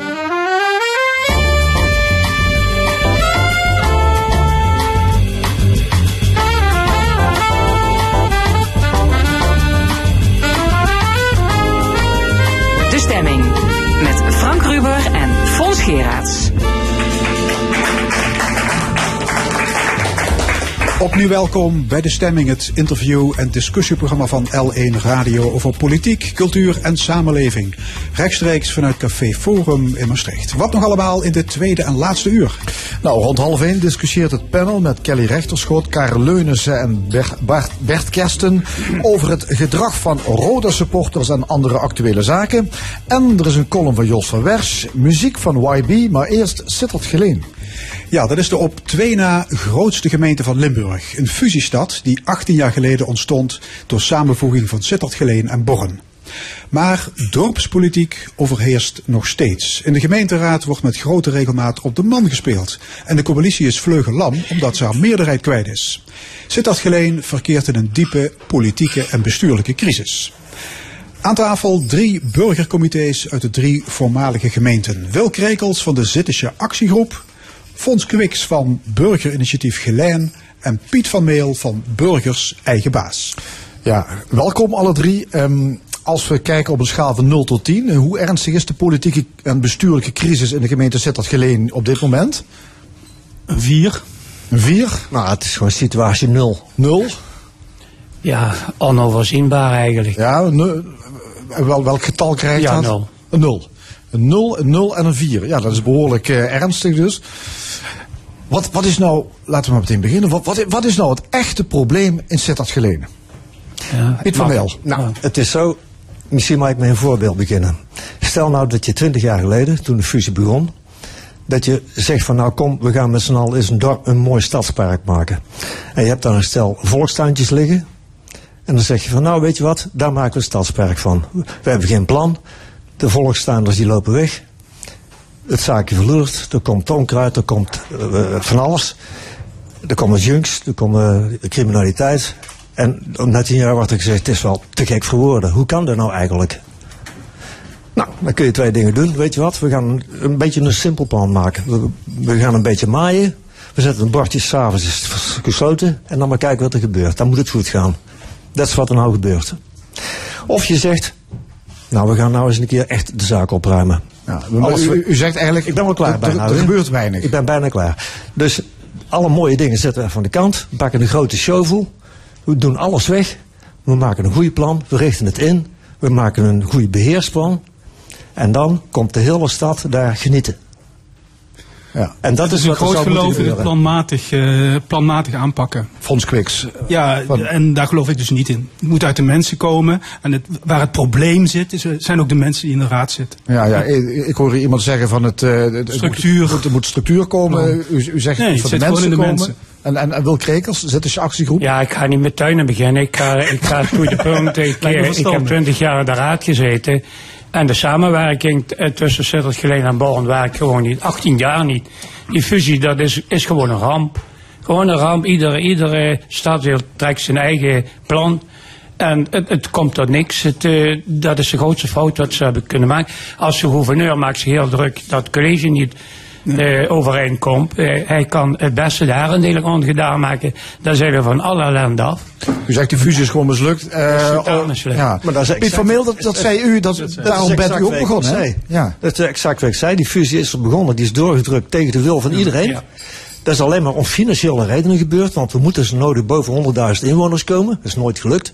Het is alleen maar om geld gegaan. Er is nooit een plan geweest van hoe gaan we daar echt fuseren. Nee, de zaak is gewoon bij elkaar gestopt zonder enig plan en, en, en, en aanpak. Nou, vind je dan gek dat het een rotzootje wordt? Ja. En, en hoe ook kijkt de reageren? burgerinitiatief Geleen dat tegenaan? Nou, toch wel iets, iets anders. Ik, wij gaven ook een 4, hè, geen 0. Dus dat, dat kan in ieder geval nog een voldoende worden, zou ik zeggen. Nee, wij, wij geloven niet. Je kunt het verlangen hebben om de fusie terug te draaien.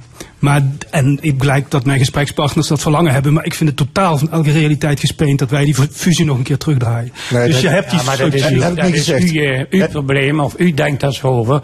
Maar ik weet dat het 20 jaar niet gefunctioneerd heeft. Nee, weet ik, maar je kunt hem niet meer terugdraaien. Dat het is een realiteit. Nou, Wil, dus je actiegroep. U, u, u- u- is het realistisch om die fusie dan terug te draaien, denkt u? Ja, ik zou het eh, vandaag nog willen. Ja, willen.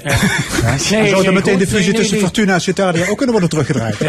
Ja. Nee, nee, nee, maar we hebben, we hebben een keer een onderzoek laten doen en daar zijn toch eh, eh, maten in de weg dat je, dat je terug kan aan, eh, van de fusiestad af. Ja. Nou, ik heb u, u wil eigenlijk. Ik heb niet u wilde dat- van die heb af, maar u bent eigenlijk een beetje tot inkeer gekomen omdat het niet kan. Ik wil net zeggen tegen Fons, het is niet zo dat wij die fusie terug willen draaien, want ik heb dat ook uitgezocht. Ja, u wilde dat- aanvankelijk dat ook. hè. U wilde Born weer zelfstandig maken. Precies, maar dat kan niet. Dat kan niet. En nu heeft u een ander plan bedacht. Dus heb ik gezegd van nou, wil je uiteindelijk doen naar waar je naartoe wilt, dat is de, de, de, de zeggenschap en, en de bevoegdheden bij de burgers zelf. Wat van ons ook zegt, het moet bij de burgers liggen. Daarom heet onze club ook Burgers Eigen Baas en, en niet een of andere club van... eh, ja, u heette eerst Hogen. Born eigen baas. En toen Ja, u in de gaten kreeg, dat lukt niet, burger eigen baas. Precies. Maar wat is in, in een nutshell, wat is uw plan? Het gaat erom dat alle burgers van, van de Sittard Geleen Barren, want zo heet officieel de gemeente, dat alle burgers zoveel mogelijk zelf in de pap in de brok te krijgen. Hoe heet dat? De melk te brokkelen krijgen. Ja. En, en, hoe, en hoe moet dat gebeuren? nou, dat is eh, heel makkelijk door alles wat decentraal kan, dus in, in kleinere units dan de grote gemeente. Wij stellen voor dat er vijf of acht clusters komen. Er zijn kleinere gemeenschappen binnen de grote gemeente. Iedere een soort deel- deelgemeente, maar ook dat concept. Deelgemeente, erbij. ongeveer 20.000 inwoners die zelf hun zaken regelen. Exact. Ja. En- is en dat, is je- dat voor, beur- voor, voor jullie een geleen? Is dat, zou dat, klinkt dat aantrekkelijk? Dat is een vergezicht. Eh, Dat is een vergezicht wat, wat aantrekkelijk kan zijn. Maar je moet naar de realiteit kijken zoals die nu is. En, en, en op dit moment hebben we een crisis en daar moeten we eerst maar eens uit zien te komen. Ja, oké, daar kunnen we naartoe gaan. Ehm, het huidige college van Sittard Geleen, GOB, GroenLinks, PvdA, VVD, DNA, eh, ja, probeer het allemaal te onthouden, eh, is voor de zomer de meerderheid kwijtgeraakt in de gemeenteraad. En eh, dat komt eigenlijk omdat de twee grootste partijen, GOP en CDA, niet bij elkaar door een deur kunnen. Eh, mee eens? Is dat... Ja, ik heb Ja. er deel van uitgemaakt, dus ik weet hoe het gaat. Ja, u zit ook in de CDA. Ja, en dat is uh, hadenheid. eh, Ja. dus Wat, hoe kan, vertel u ons, wat is nou, er dan aan de hand? idee. De vorige verkiezingen heeft het CDA had het eh, grootste aantal eh, eh, stemmen. Toen hebben ze het GOB meegenomen. in het college. We hadden een groot college. Het, ging, het werkt ook voor ons als Ja. raadsleden makkelijk. samen in college, We GOB. besluiten samen in college. Maar ze kunnen niet door één deur. En nou, eh, en nou heeft de maker, eh, Pieter Mekers, de wethouder Financiën, eh, ja, die niet zo goed gedaan heeft. Want de financiën zijn totaal niet op orde. Maar je hebt wel de verkiezingen gewonnen, de laatste We hadden verkiezingen. verkiezingen, één zetel meer. Eh, hij had het voor het kiezen. En heeft het CDA links laten liggen. Oké, en dat zit fout, dat valt verkeerd bij het CDA, dat eh, de partij niet uitgenodigd is om deel te nemen aan de coalitie. Ja, maar CDA wil niet meer. De CDA is het zat met, met, met, met deze verhoudingen. En hij heeft geen keuze meer. Ja, maar, maar deze verhoudingen zijn er nu eenmaal. GOP en CDA zijn de grootste. En Ja, zonder maar- maar- die twee maar- is ja. eigenlijk geen goede Ja, meerderheid maar te Chris. Rutte, eh, burgemeester van BDA of Tilburg, heeft alles gedaan voor ze bij elkaar te krijgen. Dus Dan niet moet ik even gelukt. uitleggen, die is informateur geweest om te kijken of er Ja. nog iets te herstellen Ja, valt. niet het is hem niet gelukt. En, en een man met, met de, waar we zijn naar werkbezoek geweest, het hard op de goede plek. En ik dacht, die krijgt wel een doorbraak, maar is niet gelukt. En dan zie je hoe, hoe de verhoudingen liggen. Ja, maar de- dat is een constatering. GOP en CDA willen niet samen, want CDA wil eh, sowieso niet op dit moment. Dus en nu dan? Nou, het is heel Nou, het plan, van de, het plan wat door de oppositie gebracht is, is om eh, in ieder geval te proberen met vijf meer naar een zakenkabinet toe te gaan. Dus dat er eh, bij vijf wethouders door verschillende partijen geleverd worden. En zodat ook daarmee breed draagvlak wordt gegenereerd. Nou, dat vind ik een stap. Daarom geef ik een vier. En misschien zelfs een vijf. Omdat nu juist zelfs de gemeenteraad zelf het initiatief heeft genomen om die partijen wel bij elkaar te nemen. Dus ze moeten het zelf oplossen. Geen externe adviseurs, et cetera. Ja, maar het GOP wil dat weer niet. Dat vind ik zwaar teleurstellend. Kijk, wat ik positief vind aan het CDA, en want ik vind dat meneer Krekels te makkelijk zegt van hey, de, de, de wethouder middelen of financiën heeft het financiën uit de, uit de klauwen laten lopen. Nou, dat is ook gebeurd omdat het CDA verdomd veel geld heeft uitgegeven zo- en Nee, er lijken uit de kast zijn gevallen. Nee, dus het CDA moet ook zijn verantwoordelijkheid Ja, daarvoor ik moet u nemen. Als u de portemonnee hebt, bent u verantwoordelijk. Ja, En dan da- moet je niet als, eerlijk, als eerlijk gespeeld wordt en geen lijken uit de Ja, kast vallen achteraf. Dat zeg ik, ja. Ja, voor alle duidelijkheid moet ik zeggen, Fons Kwik, u bent van Burgerinitiatief Geleen, Ja. maar ook lid van DNA. Nee, ik ben geen lid van DNA. Ik ben Zit niet er wel dicht tegenaan volgens mij, hè? Nee, helemaal niet. Ik, ik ken mensen, maar ik ken veel mensen in politiek geleden. Ik ben niet politiek gebonden. Dus dat is. eh, maar eh, wij hebben ons wel, laat ik daar open in zijn. Wij hebben ons krachtig. eh, ge- wij zijn er sinds oktober. T- Nu komende oktober zijn wij er twee jaar. Bij de verkiezingen hebben we echt fel. eh, normaal zijn wij niet zo fel, maar toen hebben we fel. eh, campagne gevoerd eigenlijk en toen hebben we ons eigenlijk ook tegen het CDA gericht. Omdat wij ook zagen dat het CDA... Wie? eh burgerinitiatief Geleen. We hebben tegen het CDA... over DNA had. Nee, nee, nee. Ik heb praat alleen Ja, over mezelf. Ik leg een link. Ik hoor Nee. Ik nee, burgerinitiatief geleen. Wij waren, eh, als je het presteert om als CDA en als, als voorzitter eh, of als lijsttrekker van het CDA te proberen vlak voor de verkiezingen nog een aankoop van een gemeentehuis door te zetten, op de dag voor de verkiezingen, dan, dan worden was, wij ook. ik was daar voorstander. Nee, wij niet. En gelukkig is het niet. Nee, doorgegaan. dan ga ik u het tegendeel bewijzen. Want Geleen, we hebben 52 miljoen in het centrum van Geleen gestopt. 52 miljoen. Maar, maar Geleen vindt het te weinig. Ja, ja, dat dacht ik al. Een rijksarchitect Rijnboud. Een van de beste archite- architecten die in Nederland rondlopen. Weet je wat hij ervan gemaakt heeft? En gaas. Allemaal steegjes. Geen zon komt in de straten. Eh, Ze hebben een eigen doodvonnis getekend. Maar, sorry, Rick, het centrum komt niet meer van de grond. Het, eh, u, u zegt er is veel geïnvesteerd in Geleen, maar dat is op een verkeerde manier. Ja. Het ging mij niet om eh, investeringen, het ging mij om het politieke klimaat en, de, en de, het feit dat het CDA probeerde nog iets door te drukken vlak voor de verkiezingen. Nee, maar je duwt alles op het CDA. En, en er terug te komen op die suggestie die u zegt van... ja, die kleine partijen zijn nou aan het zoeken. Nou, daar zijn we weer terug bij af. Ja. Maar daar is het op Wat, gesneuveld. wat, wat ik wel constateer is, eh, de Zittische actiegroep vindt er is heel veel geld naar Geleen gegaan. Ik hoor u bijna zeggen te veel geld naar Oh, Geleen. Piet Vermeel van eh Born eigen Born? Met burgers eigen baas. Nou, Ja, Born eigen ik belang bijna, hè? Ik vind dit persoonlijk allemaal echt, sorry hoor, geneuzel. Dit eh, zijn geen oplossingen. Dit is, dit is knutselen aan symptomen. De, de oorza- dit, dit wordt nooit opgelost. Dit is al twintig jaar een Dat is puinhoop. toch wat ik heb gezegd. Er is al twintig jaar een puinhoop. En, en ik heb het uitgerekend. Ik heb het u ook van tevoren eh, de- bij een eerder gesprek gezegd. 400 miljoen heb ik uitgerekend. En ik ben geen kind, ik kan dat uitrekenen. Ik ben bedrijfseconoom. 400 miljoen heeft de gemeente Sittard Geleen, waar dan Born ook nog een keer bij geplutst is, hebben ze laten liggen. En als nou de zaak eens een keer goed geregeld zou worden volgens het plan dat bij ons op de website staat. Wa- Waarom hebben ze dat laten liggen, 400 miljoen? Omdat het personeelsbeleid, daar ligt de bottom. En bij het feit dat de burgers geen baas zijn. Dat de burgers geen betrokkenheid hebben. Dat het allemaal daarin zit daar tussen de stelletje zeurpotten geregeld wordt. In de gemeenteraad, die het nooit eens zal worden. Het is echt een puinhoop. Maar als je de bevoegdheid en de verantwoordelijkheid en de budgetten decentraal legt bij kleinere units, waar de mensen voor hun eigen dorp vechten en niet tegen mekaars eh, bloedgroepen. Dan wordt het wat. Ja. Dan wordt het structureel opgelost. Maar dit is geneuzel. Sorry. Ja, en, even en, terug en naar- geleuter over GHB en CDA. Sorry, dit lost nooit iets op. Nee, eh, maar even zit dat Geleen. Eh, ik hoorde Wil Krekels zeggen, er is eh, heel veel geld naar Geleen gegaan. Eh, hoe kijken ze daar een Geleen tegenaan, Guus Kwiks? Kwiks, maar dat maakt niet uit. Ja, sorry, Frans Kwiks. Ehm, nou, er is veel geld, naar mijn mening, eh, naar onze mening is er heel veel geld naar Sittard gegaan, omdat er ook een pot geoormerkt was voor Sittard. Sittard Revisited was door de provincie een pot ter beschikking gesteld en is in de vorige periode heel veel geld geïnvesteerd in Sittard.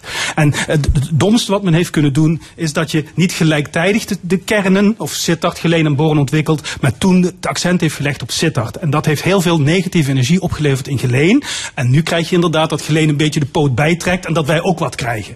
Maar om nou te zeggen dat enorm geïnvesteerd is in, in, in, in Geleen en niet in Sittard, dat uh, snap Ja, dat hoor ik ik eh, geen zojuist belangen zeggen. Het zijn 52 miljoen en ze willen het centrum nog meer oppushen. En het lukt gewoon niet. Het is, het is gewoon dood. Spijt me, maar het is dood. Het centrum is helemaal dood. Ja, vind het gek? Dat is toch het beleid wat het kapot maar- gemaakt maar heeft. dat- En wat Geleen ook kapot gemaakt heeft. Waarom gaan alle mensen naar Tutteren en, en, en naar, naar Beek?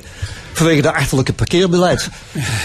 het is, twintig jaar geleden Nee, was, was, maar- was, was, was Tutteren alleen maar een akker. Ja, dat vind ik en nu gaan alle, alle mensen gratis... hebben die gedeeltelijk gelijk in, maar we hebben, we hebben parkeergarages aangelegd voor miljoenen.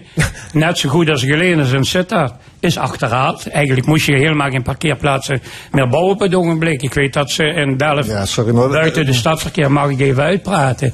En dan kan je de auto zetten en dan brengen ze je naar de stad. Ik weet ook dat dat achterhaald is, maar het geld moet ergens terugkomen. En daarvoor moet je parkeergelden betalen. Dat een Tudderen of zelf kan wat 10.000 inwoners liggen en daar allemaal eh, eh, grote winkels liggen.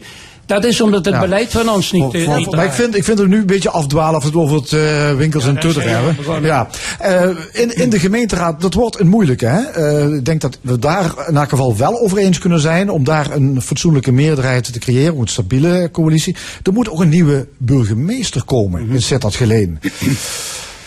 Wie wil eh, hier aan gaan Nou, kijk, eh, eh, staan? Die burgemeester die, die is verantwoordelijk geweest voor de laatste 20 jaar, sorry. En ik heb gezegd, er is 400 miljoen weggesmeten door een verkeerd beleid. En Ja, hij maar- is wat- wat- daarvoor. Ja? En als daar iemand moet komen die het goed doet, dan moet het iemand zijn die de zaken gaat organiseren zoals het hoort. Waar moet, waar moet die burgemeester van Sittard Geleen Nou, aan de- gaan voldoen? ik- ik Wat moet dat daar voor persoon Ik zijn? heb daar een geweldig voorstel voor. Laat hem eens op de website van Sittard van Burgers Eigen Baas kijken. Daar staat precies beschreven hoe het zou moeten. Ja, wat- Als hij de plan moet hij aan voldoen? Dan kan hij gratis overnemen. Het moet gewoon een man zijn die doet wat daar staat en die daadkrachtig is en die niet naar de po- politiek... Dat is bijna dictatoriaal. en eh, die- ja, en die, ja, nee, helemaal niet. Dat is, dat is het meest, meest democratische wat er kan zijn. Ja, nog tien keer het meest democratisch. democratisch is als we Kwiks, doen wat jij... Sorry, het meest democratisch is als wij doen wat jij zegt. Dat, dat klopt niet. dat is niet waar. En het, eh, dat is de- Nou. we zullen er samen uit moeten komen. En ik hoop dat er wel krachten zijn die, die nu in ieder geval iets teweeg gaan brengen. En daar moet een burgemeester dus bij helpen. En onze huidige burgemeester die gaat in maart met pensioen. Dan kun je niet meer van verwachten dat die de pannen van het dak speelt. Nee, maar wat moet die nieuwe burgemeester? Moet dat voor een eh, man of vrouw worden? Die van kleur, ik weet niet, misschien beter een vrouw. Nee, ik heb het niet over de kleur, maar ja, wat goed, moet u... eh, eh, misschien een vrouw, heb ik gezegd. Ik geef wel een voorkeur aan. Het gaat in Maastricht ook goed. Maar, maar, maar wij gooien dus zeer het accent op de burgemeester. De burgemeester is maar een voorzitter van de raad. En ik hoor vaak van mensen in de stad, het is altijd de burgemeester schuld. Nee, de burgemeester is het niet. De raad is aan zet. De raad, de raad is het hoogste orgaan. En daar moet het uitkomen. En als die zich niet onderling eh, verstaan, dan gaat het mis in de stad. Maar idealiter helpt de burgemeester erbij om die raad bij elkaar te brengen. Ja, maar dan moet je een hele, hele sterke Ja, burgemeester. dat is het die moeten we dus hebben. Ja, die moeten we vooral dus in deze gemeente. Die moeten we dus hebben, ja. Welke gevolgen heeft deze politiek-bestuurlijke crisis voor de inwoners van Sittard Geleen? Die zijn helemaal lam. Die, zijn, die, zijn, die gaan ook niet meer naar de stembus. Ik hoor van de mensen, daar hebben wij die actiegroep op gericht. Ze spreken ons nog aan over de chaos. Maar wij kunnen alleen maar proberen iets te schipperen. Maar, maar de mensen staat het plezier. Die, die zeggen, eh, ik geloof er niet meer in, in de politiek. Ja, we, hebben we hebben nog een enquête gehouden. vorig jaar over de tevredenheid van de burgers over de gang van zaken. kwam uit dat, ruwweg gesproken, 70% van de mensen het helemaal niet mee eens is zoals het nou allemaal loopt. En de volgende vraag was, doen jullie mee? Geen eentje. Ze zijn allemaal lam geslagen. Apathie. Lam geslagen. En waarom? Niet omdat ze van huis uit lam zijn, maar omdat ze het niet meer zien zitten. En dan zeggen ze ook tegen mij van, sorry Piet, je, je lult maar een eind, maar het wordt toch nooit niks. Ja, Fons Kwiks. Ja, ben ik het mee eens. Ik bedoel, ik bedoel, Geleen ook apathie. Ja, op- je kijkt dat 50% van de mensen stemt. Ik denk dat 10% van de mensen de lokale politiek enigszins volgt. En als ze hem volgen, zijn ze zwaar teleurgesteld. Ja, jullie, jullie zijn actiecomité's, eh, drie verschillende delen van die gemeente. Wat, wat kunnen jullie betekenen in deze? Want ja, het is eigenlijk de politiek die aan zet is. Maar ja, het feit dat jullie zijn opgegeven aan grote ontevredenheid. Of, of eh, Ja, ja, wij zijn niet sterk genoeg, maar we zitten nog met acht mensen. Maar ik denk wel, ik ga het zelf niet meer mijn kandidaat stellen, maar ik ga wel mee in de slag voor een nieuwe partij op te richten. ja, of, of bent u een soort bijwagen van het CDA om op die manier iets te, voor elkaar te krijgen? Ja, ik, ik, ben, eh, ik, ik, ik ben gestopt in de politiek en eh, ik, ik, nee, dat heeft niks met CDA te maken. Ik wil los van het CDA een partij gaan oprichten. Ja, partij. De zoveelste. Zitterse partij. Ja. De zoveelste. Ja. Daar hebben we toch niks Nee, aan. dat Maar Piet van. Meel wilde ook een partij oprichten. Nee, voor de je- Boonse partij. Geen sprake van. Ja, dat heb ik wel gelezen in de krant eh, een tijdje geleden. Nee, doen we niet. Nee, Ja, het daar, ben, daar bent u Dat bijgedragen. zijn economen. Ja. Ik heb helemaal geen partij nodig. Ah. Alleen de raad inderdaad, dat is de enige partij, of de enige instantie die het kan regelen. En Ja. Ja, wij gaan dus dus komt de Zitterse partij, komt er ook een Nee, Geleense komt- partij? nee, in ieder geval niet vanuit ons initiatief. Niet vanuit BIG, Burgerinitiatief Geleen, komt geen politieke partij. Wat wij proberen is in ieder geval om mensen beter te informeren over wat allemaal aan de hand is in onze gemeente. Die daar, die daar interesse in hebben. En dat zijn inmiddels via onze Facebookpagina 1300 mensen. En dat vind ik veel. Misschien moet iedereen in therapie en dan later een vrouw aanstellen als burgemeester. Als begin. Ja, ik vind dat werkt makkelijker. Ik heb nog één tip. eh, De gouverneur de Baart, ik heb gelezen dat het een behoorlijk zorgen baart dat, eh, dat het zo lang zonder college eh, functioneert. Of niet functioneert. Eh, ga maar nieuwe verkiezingen uitschrijven. Ja, maar ja, dat kan niet tussentijds, hè? Ja, maar, maar, niet. Ja, maar, maar dit, eh, dit, dit gaat niet goed komen. Maar het kan Dit niet. gaat niet. We komen, te- we komen Wel Krekels, laatste woorden. Kan- dit gaat niet goed komen. Eh, iemand, uh, Ik, eh ik Guus- ben Fons Kwiks, zeg- ja? burgerinitiatief Er geleen. komt wel iets en het wordt een, eh, ik, ik ga van een 4 naar een 6 over een paar maanden. Ja, Piet Vermeel, komt het goed? ja, ehm, het komt nooit goed, tenzij dat er politieke partijen zijn die een keer de zaak structureel willen aanpakken. Oké. Dank u wel. Eh, Wil Krekels van de Zittische actiegroep, Fons Kwiks van Burgerinitiatief Geleen en Piet van Meel van Burger Eigen Baas. En zometeen in de stemming het discussiepanel met prominenten van VVD, CDA en PvdA. Daarvoor de column van Jos van Wersch over supporters en Garcia de la Vega. Maar eerst singer-songwriter YB. Dit is het nummer Losers.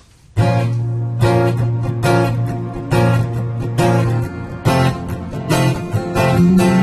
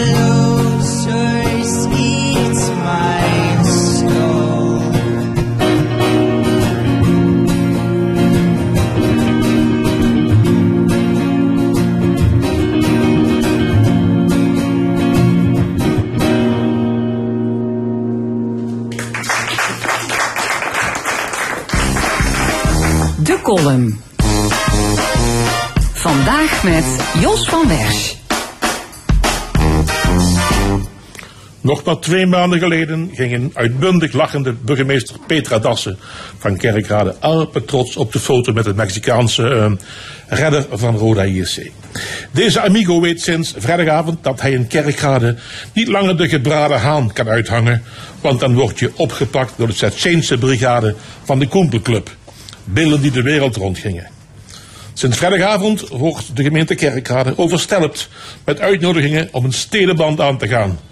Bagdad, Mogadishu, Homs en Grozny, de hoofdstad van Tsjetsjenië, willen dolgraag jubileren met Kerkrade. Wat is er in uw stad aan de hand, geachte burgemeester? Ik wil Kerkrade verder op de kaart zetten. Dat zei u begin dit jaar in de L1 Ochtendshow.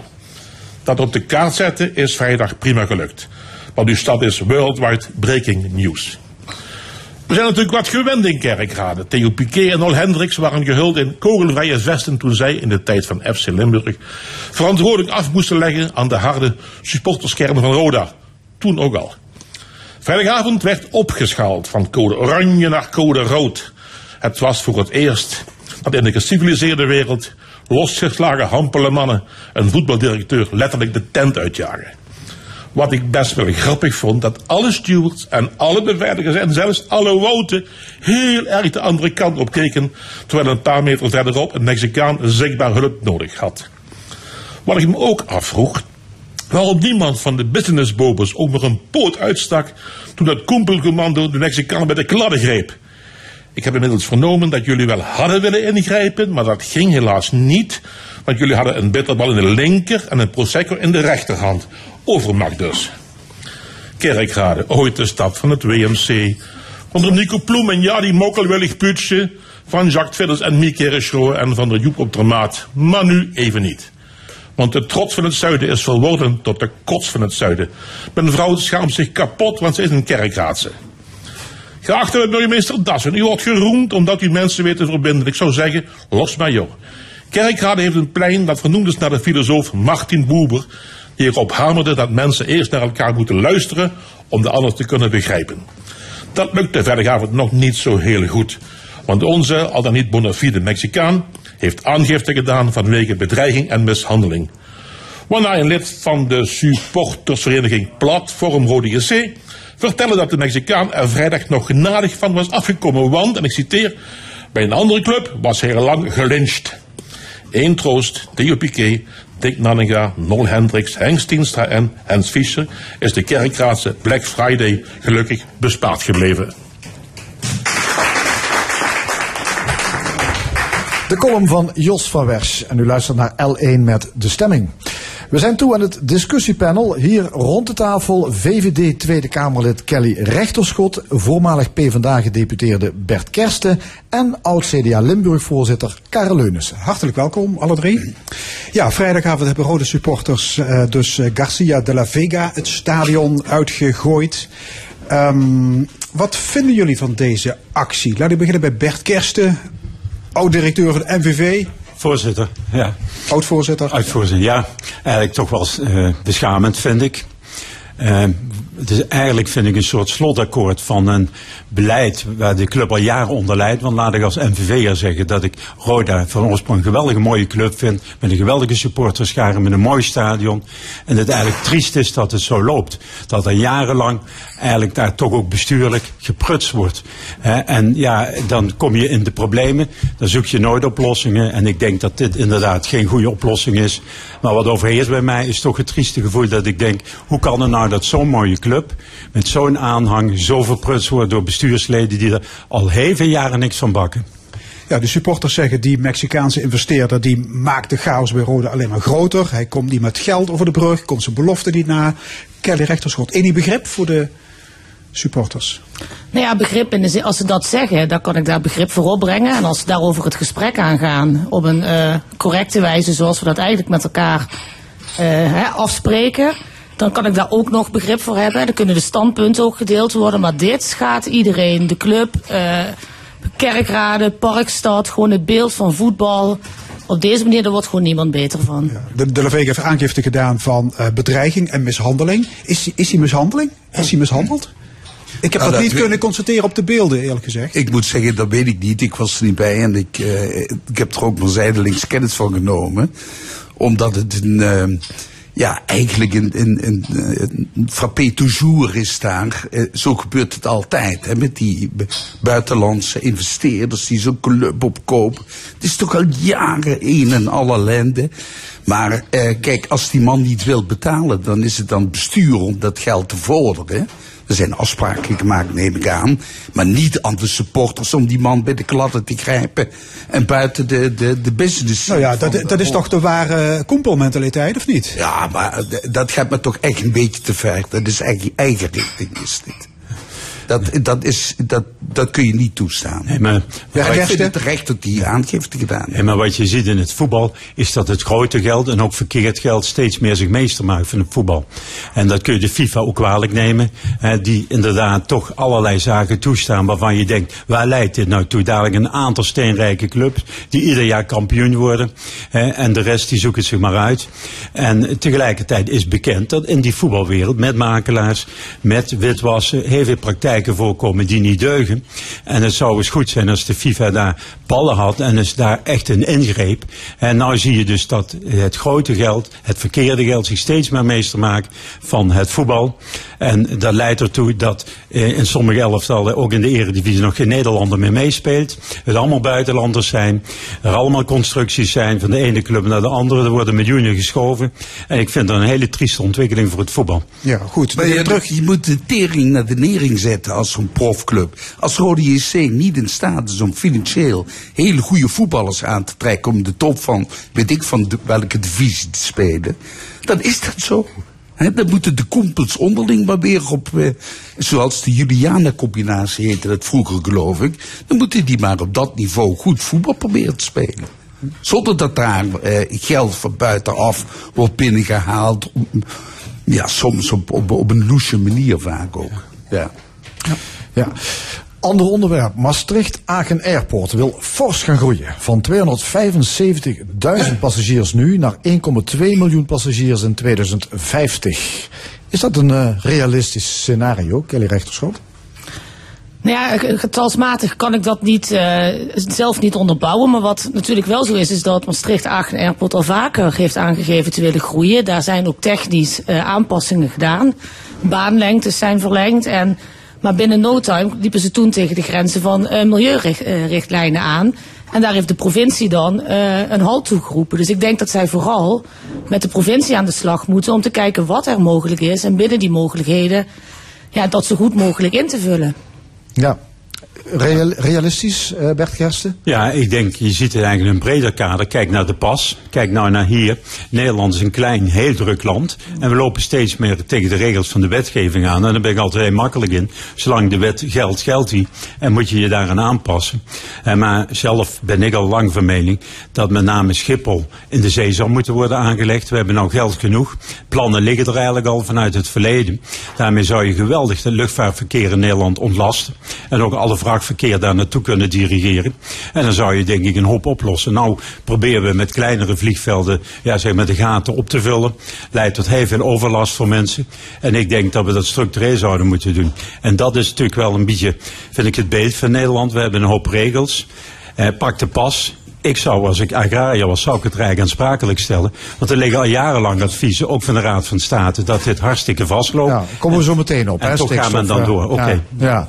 ja. Eh, Karel Leunissen, wat vind Nou, jij van die plannen van het vliegveld? Is het realistisch? Kijk, willen ze het economisch overleven, Maastricht-Aken Airport, dan zullen ze moeten, denk ik. Want op deze manier verder gaan is gewoon de dood in de pot. Dan gaan ze onderuit. En je ziet dat Eindhoven is al gegroeid tot 1,9 miljoen passagiers. Hè, die mogen groeien. Luik, ook vlakbij. Dat eh, expandeert ook met het jaar. Daar hebben wij zelfs nog last van. Ik heb zo'n app, daar zie je die vliegtuigen overkomen. Die gaan allemaal naar Luik. Hè, en dus met andere woorden, als die directeur dat vliegveld overeind wilt houden, moet hij die ambitie hebben. Maar als je nou kijkt naar, eh, en hij hoopt dan maar dat de vliegtuigen zodanig geïnnoveerd worden, dat ze minder lawaai maken en minder vuil uitstoten, het milieu minder belasten. Maar dat is natuurlijk toch, net zoals de pas zal ik maar zeggen, is dat toch wel in, in, in, in, in, ja, een greep naar de toekomst toe die niet helemaal realistisch is. Ja. naar mijn idee. Eh, het vliegveld wil groeien, fors groeien. Hè, ook, eh, hoe heet het, ook ehm, niet, niet alleen passagiers, hè, maar ook vracht zou moeten vermeerderen. De provincie is eigenaar van het vliegveld en ziet eigenlijk dat, Ja, dat helemaal niet ik- zitten. Eh, Dat vind ik het heel merkwaardige van het geheel. Want de provincie moet natuurlijk toch ook zorgen, Joost van de Akker, dat dat economisch rendabel gaat worden. En dat het iets betekent voor Limburg, voor, ook voor de economie, de, de, de, de aanhangige economie. Eh, in Limburg. Ja, maar jij zegt zonder groei is dat vliegveld... maatregelen Ja. moeten nemen. Zonder groei is dat vliegveld ten dode opgeschreven, ja, jij. als ze zo doorgaan op, op dit niveau, dat redden ze niet ten opzichte van Luik en ten opzichte van Eindhoven. Ja, maar, maar dat is gewoon, eh, de- bij de nu en een paar jaar, er gaan nog een paar miljoenen in, vele miljoenen waarschijnlijk, vanuit de provincie en dat is het afgelopen uit. Ja. Maar ik hoorde dus Joost van den Akker, VVD-gedeputeerde, zeggen... wij eh, willen niet dat eh, die groei er komt, hè, want dat betekent nachtvluchten. Nou, we willen geen nachtvluchten. Dus VVD wil eigenlijk deze groei helemaal niet hier in Maastricht-Agen Airport. Nou, ik denk dat dat gegeven de omstandigheden zoals het hier aan tafel ook geschetst wordt. eh, als je het optimale zou willen en je hebt alle mogelijkheden, dan zou je ze inderdaad gunnen en dan kan dat, dan is daar ruimte voor. Maar het ligt niet op zichzelf. Het ligt daar gewoon heel erg ja, ingekapseld. eh, met de overlast die erbij hoort en alle gevolgen ook op milieugebied. Dat zul je toch moeten wikken en wegen. En in die afwegingen kan die ambitie er zijn, die economisch natuurlijk goed eh, onderbouwd eh, te krijgen is. En inderdaad alle werkgelegenheid die ermee gepaard gaat. Dan ligt de wens voor. Maar er zijn ook andere zaken. Nou ja, we hadden het net over het stikstofgebeuren. Alles wat daarbij komt kijken, maakt dat groei ook geremd wordt. Ja, maar groei geremd wordt. Maar ja, ik hoor, eh, zonder die groei is het vliegveld ten dode opgeschreven. Dus eh, ja, hoe moet dat dan verder? Ja, ik denk eh, dat eh, één ding blijft staan. Dat is de wettelijke eh, norm. Daar zul je altijd aan moeten voldoen. Nee, maar ik bedoel, heeft, heeft dit vliegveld dan überhaupt wel toekomst hier, Bert Kerst? Denk ik niet, nee. Ik denk als je zo blijft frommelen in de marge. Met een aantal vluchten waardoor je net een beetje kiets bent. Maar niet je ambitie hebt naar nieuwe klanten. Dat we hier iets kunnen. Dan ben ik het met Karel eens. Dan is het een kwijnend bestaan en verdwijnt het op den duur. Ja. Dat is dan de sombere conclusie voor het vliegveld. Ja. Ja. Goed, we gaan naar een ander onderwerp. Ingrid van Engelshoven, onze minister van Emancipatiezaken, die heeft de discussie aangewakkerd over seksistisch speelgoed. Fabrikanten zouden minder rolbevestigend speelgoed in de schappen moeten leggen. Wat vinden jullie? Kelly Rechterschot. Ja, ik vind, ja, als dit iets is waar je als minister eh, druk over maakt, zou ik maar zeggen, als je ook onderwijs in de portefeuille hebt, dan denk ik dat er andere zaken zijn die misschien wel bovenop de stapel zouden kunnen liggen. En daarnaast kan de overheid op deze manier, denk ik, fabrikanten nooit dwingen daar andere keuzes in te maken. En zal eh, een fabrikant altijd kijken wat verkoopt het best. En als het op dit moment toch blauw en roze is, omdat het nou eenmaal zo ingegeven is. En dan, wordt ook een, dan komt ook een goede reactie op, zou ik maar zeggen. Dan is dat zo. En aan de andere kant denk ik dat het rolbevestigende al lang ver weg genoeg is. Dat jongens een keukentje kunnen krijgen en meisjes een auto. En ja, als dat iets is, ja, waarvan Maar, zal maar u zei in eerste instantie, de minister is niet aangenomen om, om eh, speelgoed te becommentariëren. Ja, ik zeg, ja kijk, je, kan doen. natuurlijk altijd, als je vanuit haar rol, zou ik maar zeggen, als persoon mag ze zich best druk maken hierover, denk ik. Maar vanuit haar rol vind ik dit iets. Dan denk ik wel bij mezelf, dan hebben we het erg goed in Nederland als dit onze top Maar je mag je toch als emancipatieminister bezighouden met dit soort genderkwesties? Ja, Of maar ik vind dit echt, Karel ik vind dit echt onder de maat. Eh, dit, dit heeft, tot ze begrijpen het ook nog niet eens. Hè, want het, het, het, het feit dat eh, de- die speelgoedwinkels dat aanbieden, iets roze of in blauw of weet ik wat. Dat wordt niet bepaald door, dat is niet bepalend voor hoe de, de, het stereotype leven eruit ziet. Nee, het is omgekeerd. Het leven bepaalt, de, de stereotypering van hoe mensen leven, die trouwens heel sterk verandert op dit moment. Als je dat vergelijkt met, met, met vijf- vijf- 75 jaar geleden, 50 jaar geleden, er zit een enorme ontwikkeling in. Maar de stereotype leven bepaalt wat die kinderen willen dat, kopen. snap, wat bedoel je daar precies mee? Nou, Me- meisjes spe- meisjes spelen toch met, met nee, eh, een film komt uit en daar heb je Superwoman, die daar een rol in speelt. Nou, meisjes willen zo'n zo'n Superwoman kopen. En daar spelen die eh, eh, speelgoedfabrikanten natuurlijk ook op in. Die maken zoiets en die verkopen dat. Ja, maar Dat heeft toch niks. Dat is die volgen. Die bepalen niet. Ja, maar in de krant, in de krant, Karel zegt een psychiater, door de eeuwen heen moesten mannen sterk en flink zijn om hun gezin te beschermen. En daarom moesten vrouwen beschermend zijn. Zo is onze natuur geworden. Ja, zo is dat toch ook. We hebben twee En jij zegt, het wordt, ze worden gemanipuleerd door de industrie. Ja, maar dat wordt ook niet door het speelgoed bepaald. De, dat, dat was gewoon eh, de harde werkelijkheid. Nee, maar- In die tijd was maar dat zo. Ik vind, het ook, ik vind het ook echt flutten dat de minister zich daar nou mee bezighoudt. Terwijl in haar portefeuille, als je het wat breed ziet, gigantische problemen in het basisonderwijs zijn. De universiteiten beknopt worden terwijl daar onze toekomst ligt. Hè, dan zou ik me toch over andere dingen druk maken dan over dit. De volgende stap zou wel zijn dat meisjes geen rokjes meer mogen dragen. Of dat jongens rokjes moeten gaan dragen. Ik vind het zo ver gezocht. En het gaat ook voorbij naar mijn idee aan wat de natuur is. Je hebt mannen en je hebt vrouwen. En ik ben hartstikke voor emancipatie en ik ben voor quota. Maar tegelijkertijd blijven vrouwen vrouwen en blijven mannen mannen. En er is haast een cultuur aan het ontstaan alsof je niet meer man of vrouw mag zijn. Maar dat je alles moet zijn. Ik vind het heel raar dat de minister zich daar zo druk over maakt. Als ze het over emancipatie heeft, dan moet ze zich inderdaad over quota druk maken. Of een gelijke beloning druk maken. Dat snap ik allemaal. Maar niet over dit soort flauwekul. Ja, ja, de minister komt met haar oproep nadat in Frankrijk maatregelen zijn genomen om stereotyp Ja, ja, speelgoed je in te dammen. zeggen, ze is ook Dus nog daar- niet origineel. Ja, dat Ja, daar verdwijnen speciale afdelingen voor jongens en meisjes. Personeel mag niet meer vragen of speelgoed is bedoeld voor een jongen of een meisje. Maar jullie zeggen, hou, hou op Oh, daar godsnaam mee op. Ja. Oké, houden we ermee op. Ehm, nou, er zijn grote zorgen over de toekomst van de vrijwillige brandweer. Eh, vrijwillige brandweerlieden die krijgen nu een vergoeding, maar volgens Europese richtlijnen moeten ze op dezelfde manier betaald gaan worden als de beroepsbrandweerlieden. Eh, en dat gaat natuurlijk, eh, ja, dat gaat een hoop geld kosten, want dan moeten ze gewoon loon gaan krijgen. Is dat, is dat eigenlijk wel logisch? Is het terecht dat ook die vrijwilligers gewoon op de loonlijst komen? Kelly Rechterschot? Nou, ik denk dat er een duidelijk verschil is tussen vrijwilligers en het personeel dat je aanneemt. Mensen doen dit vrijwillig omdat ze een bijdrage op die manier tegen die vergoeding eh, willen uitvoeren. Daarmee wordt het brandweerkorps stevig ondersteund. Hè. Die hebben daar gewoon ook echt eh, extra handen bij die ze anders misschien eh nodig zullen missen. Mensen hebben vaak dan al een andere baan die ze zelf de voorkeur geven boven het vrijwilligerswerk dat ze ernaast doen. En ik denk dat we dat vooral moeten honoreren, daar trots op moeten zijn. eh, dat ook moeten uitspreken, dat zoveel mensen zich daarvoor willen inzetten. En in de basis is er natuurlijk niets verkeerd met een gelijke beloning voor het gelijke werk. Maar ik denk dat er gewoon een verschil is, ook in verantwoordelijkheden, die uiteindelijk bij professionals en vrijwilligers liggen. En ik denk dat dat het punt is waar we dan anders hier wat snel overheen stappen als je het alleen hebt over de baan. Nou, het schijnt dat de, de werkzaamheden nauwelijks van elkaar te onderscheiden zijn. En dat is nou juist het punt. Daarom zegt de dat vind ik nou de key issue. Hè? Als je werk moet doen wat identiek is aan wat beroepsmensen moeten doen, met dezelfde risico's, met dezelfde deskundigheid, met de verplichting om bij te scholen, dan moet je ook op gelijke manier betaald worden voor de inzet.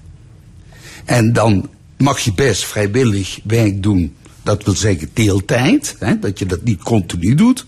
Maar dan moet je wel zelf betaald krijgen. En dat zal ook wellicht moeten naar de toekomst, want er wordt steeds meer, wordt dat vak ook ingewikkelder. Omdat je nu, als ik, ik zag laatst een, een brandende accu van een elektrische auto. Hoe moeilijk dat is voor een brandweerman om die geblust te krijgen. Die kan geblust zijn en weer opvlammen.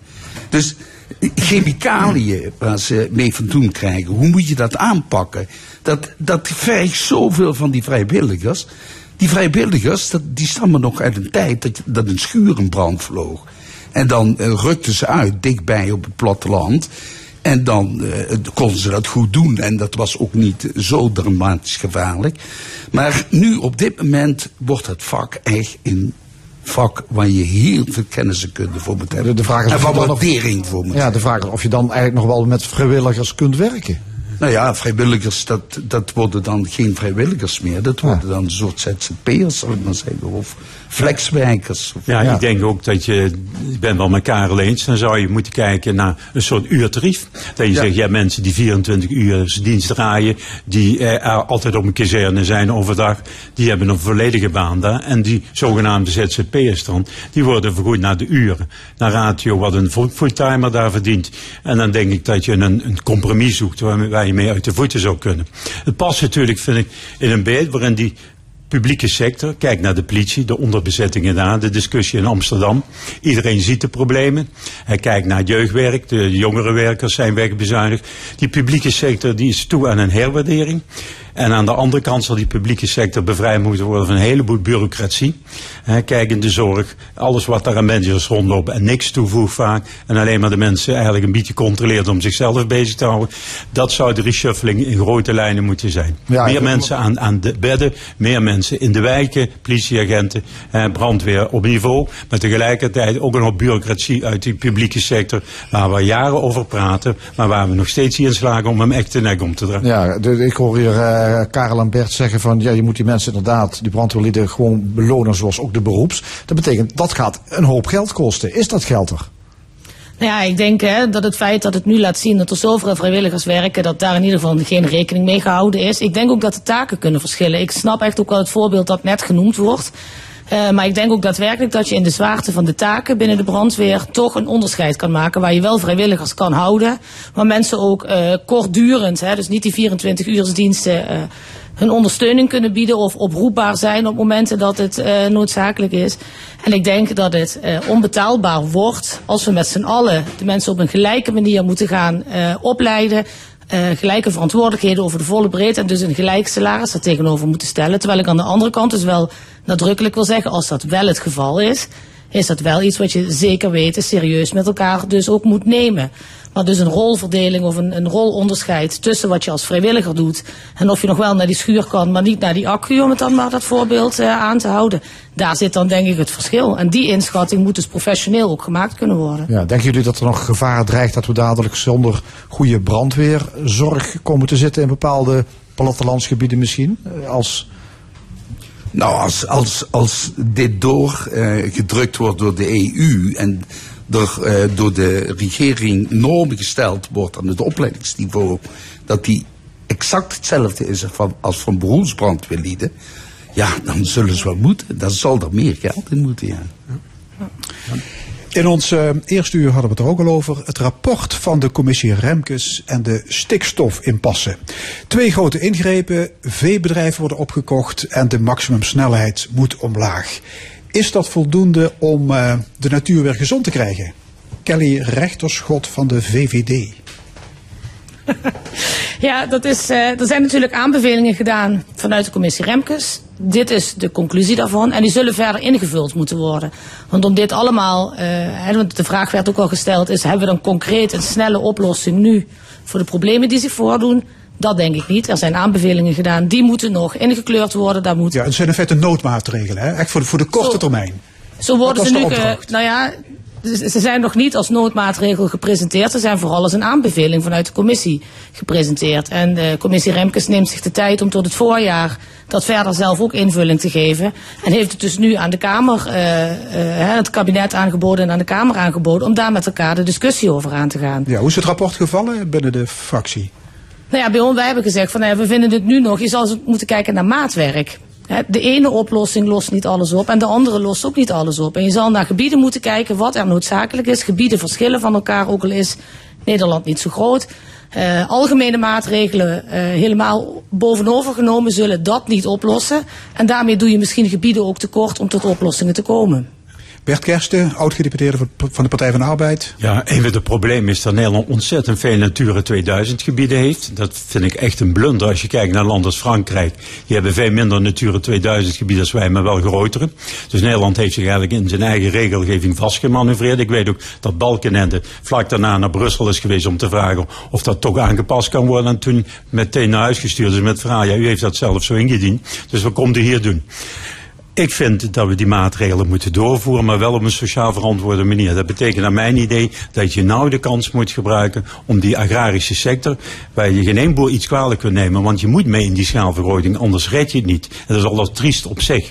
Het boerenbedrijf is al bijna verdwenen. Je moet bijna eh, zeg maar industrieel produceren. Dat je nou de kans moet nemen om die boeren in een aantal jaren de kans te geven om hun bedrijf netjes af te bouwen of te saneren. Eh, een van die ideeën waar ik het al over heb gehad met een aantal mensen. Gert Ries heeft dat idee eigenlijk gelanceerd. Dus gezegd, waarom zet je niet op die gronden eh, zonnepanelen? En dan brengen ze dus een 10.000 euro per hectare op in plaats van 1000 euro voor maïs. En laat die boeren 20 jaar lang langzaam afbouwen of saneren om ze die overgang mogelijk te maken. Want ik vind het onfatsoenlijk als je nou die rekening eenzijdig zou neerleggen bij de agrarische sector. Ik vind, we hebben er zelf allemaal aan meegewerkt dat het zo moest. En dan moet je nou, vind ik, ook die sector de kans geven om die slag te maken. En Maar- daarmee... maar inkrimping van de cv-stapel is onontkoombaar, zeg. Onontkoombaar, denk ik ook. Niet alleen vanwege de stikstofuitstoot, maar ook vanwege zeg maar, het idee dat we langzamerhand toch naar een andere landbouw, meer duurzame landbouw toe moeten. En ik denk met een goede voorlichting en een goede regeling voor agrariërs, dat mensen dat ook waarderen in Nederland. Ja, Karel Is dat rapport voldoende om de natuur weer gezond te krijgen? Nou, dat rapport stelt natuurlijk helemaal niks voor, volgens mij. Eh, ik, ik was echt eh stupefait toen ik hoorde met wat voor voorstellen ze kwamen. Daar was ik zelf wel op kunnen komen. Dan ben ik maar een Ja, je vindt het arts. te veel slappe, slappe hap. Ja, dat, daar staat toch helemaal niks in. Dat, dat is, we wisten toch dat de auto's, het verkeer, de files, de, de, eh, de ammoniak die de, eh, de mest uitstoot, dat weten we al, al tientallen jaren dat dat de boosdoener is. En ik vind dat er veel te weinig integrale aanpak eh, uit dat rapport spreekt. Je moet niet je nu alleen maar focussen op die stikstof, maar neem die autostoot ook CO2 uit. Dat moet je ook meteen meenemen.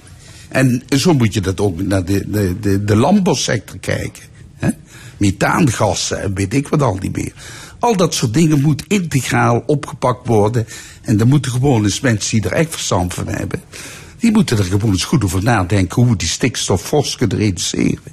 Niet alleen die stikstof, maar ook de CO2 en ook de, butaan, methaan en weet ik wat al niet meer. Dat zijn de dingen die, die aangepakt moeten worden. Maar het is, is ook, vind ik, de uitkomst van een beleid wat 30 jaar een beetje de kop in het zand gestoken Ja, heeft. Hè. Want we wisten het. En ik zei nogmaals, als ik agrariër was of, of boerenorganisatie was, zou ik het Rijk nou verantwoordelijk stellen als er echt gesneerd moet worden. Want ze hebben advies gehad van de Raad van State, van milieuorganisaties. Die zeiden, dit is niet houdbaar in de huidige wet. En toch maar net doen alsof men door kon gaan. Ik vind het eigenlijk sneu voor die boeren en tegelijkertijd een aanfluiting wat de politiek er de afgelopen 20, 30 jaar van gemaakt heeft. Ja, de, de eerste twee kabinetten Rutte die, die hebben ook flink bezuinigd op, op natuurbescherming. Hè. Alle ballen op de economie. Moet Rutte 3 nu repareren, Kelly Rechterschot, wat is verwaarloosd? Nou ja, ik denk dat eh, de heer Kerst hier net aangeeft dat we al 30 jaar bezig zijn om eh, hè, dat we dat hebben vormgegeven wat we nu als resultanten hebben. Daarnaast eh, creëren we wel met elkaar ook nog een aantal wensen naar de toekomst toe. Hè. We willen nog graag dit erbij, nog wat woningbouw, nog dat erbij. Hè, dus dat is. Dat zijn toch zaken die met elkaar op spanning staan in een land waar we inderdaad zoveel Natura 2000 gebieden ooit met elkaar hebben weten eh, op te hoesten. Want het is niet alleen Frankrijk die er veel minder heeft, België en Duitsland ook. En dat zijn qua oppervlakte, in ieder geval Duitsland en Frankrijk, veel grotere landen. Dus die kunnen dat misschien ook veel beter met elkaar eh, inrichten. Ik denk dat onze planologie maakt dat we uiteindelijk dit soort zaken bij onszelf voor de kiezen werpen. En dat vraagt juist die integrale oplossing naar allerlei problemen die zich voordoen, maar de kansen die we in de toekomst wel nog met elkaar willen creëren om mogelijkheden toch ook nog wel te houden. Want als we niks doen, dat is ook niet mogelijk. Want als we niet meer kunnen bouwen, gaat er ook een hele sector hè, te gronden. En dan hebben we het niet alleen over degenen die misschien nu eh, gesaneerd moeten worden als die afspraken zo ingevuld worden. Maar ook gewoon de groep bouwers, aannemers en die in dat veld zitten. Want als we niet meer kunnen bouwen met elkaar, stopt het daar ook. Maar economie heeft altijd geprevaleerd boven ecologie. Dat, dat moet fundamenteel anders. Ja, ik, ik, denk, ik denk dat je altijd naar balans moet streven tussen zaken. Maar wat mij eigenlijk ja, verdriet doet, als je het zo wilt zeggen, is dat je toch ziet, we zijn een rijk land, een van de rijkste landen ter wereld. Ons onderwijs is matig, zakt af. Verkeersveiligheid zakken we af. De zorg is vaak een puinhoop op dit moment. Mensen kunnen er niet geplaatst worden. Woningen, woning nooit. Woningen onbetaalbaar. Je moet al twee verdienen zijn, wil je überhaupt een woning kopen. Hè? En er worden prijzen geboden, ook door het belachelijke rentebeleid van Draghi, waar we de dupe van zijn. Die niet normaal zijn. En denk wat is dit voor een land het worden? Zijn we nou een soort het worden? Of kunnen we zorgen dat hier zorg op orde is, dat hier woning op orde is, dat starters op die woningmarkt mee kunnen doen? Hoe kan het toch zover komen? En dan denk ik toch dat het hele neoliberale beleid hè, van West-Europa en ook van Nederland toch even kwaad heeft gedaan. We gooien alles naar de markt. De markt kan het soms niet goed doen. Komen problemen. Wie krijgt de schuld? Dat is de overheid. Dus die overheid heeft veel te veel uit handen gegeven en heeft nog die neiging onder leiding van de VVD om die markt Maar alsmaar... CDA en VVD komen er langzamerhand ook achter, hè? Ja, Die zien de toon bij de laatste algemene politieke beschouwingen. Wel wat laat, maar goed. Zeker. Ja. En ik denk dat dat besef al, al, al veel langer bestond. Alleen men wilde dat nog niet aan op dat moment. En, en nu worden ze plotseling eh, door die uitspraak van de Raad van State eh, eh, voor een fait accompli gesteld. Ja, nu kan het gewoon niet anders meer. Oké, hartelijk dank. Discussiepanel. Vandaag met Kelly Rechterschot, Karen Leunissen en Bert Kersten. En dit was de stemming vandaag gemaakt door Erwin Jacob, Edwin Maas, Joël Tilly, Fons Geraerts en Frank Ruber. Graag tot volgende week, dan wederom hier vanuit Café Forum in Mustreeg. En dan met muziek van Skibbereen. Dit programma wordt herhaald maandagavond om 8 uur. En is ook terug te luisteren op onze site l1.nl en via podcast. Ik wens u nog een hele mooie zondag.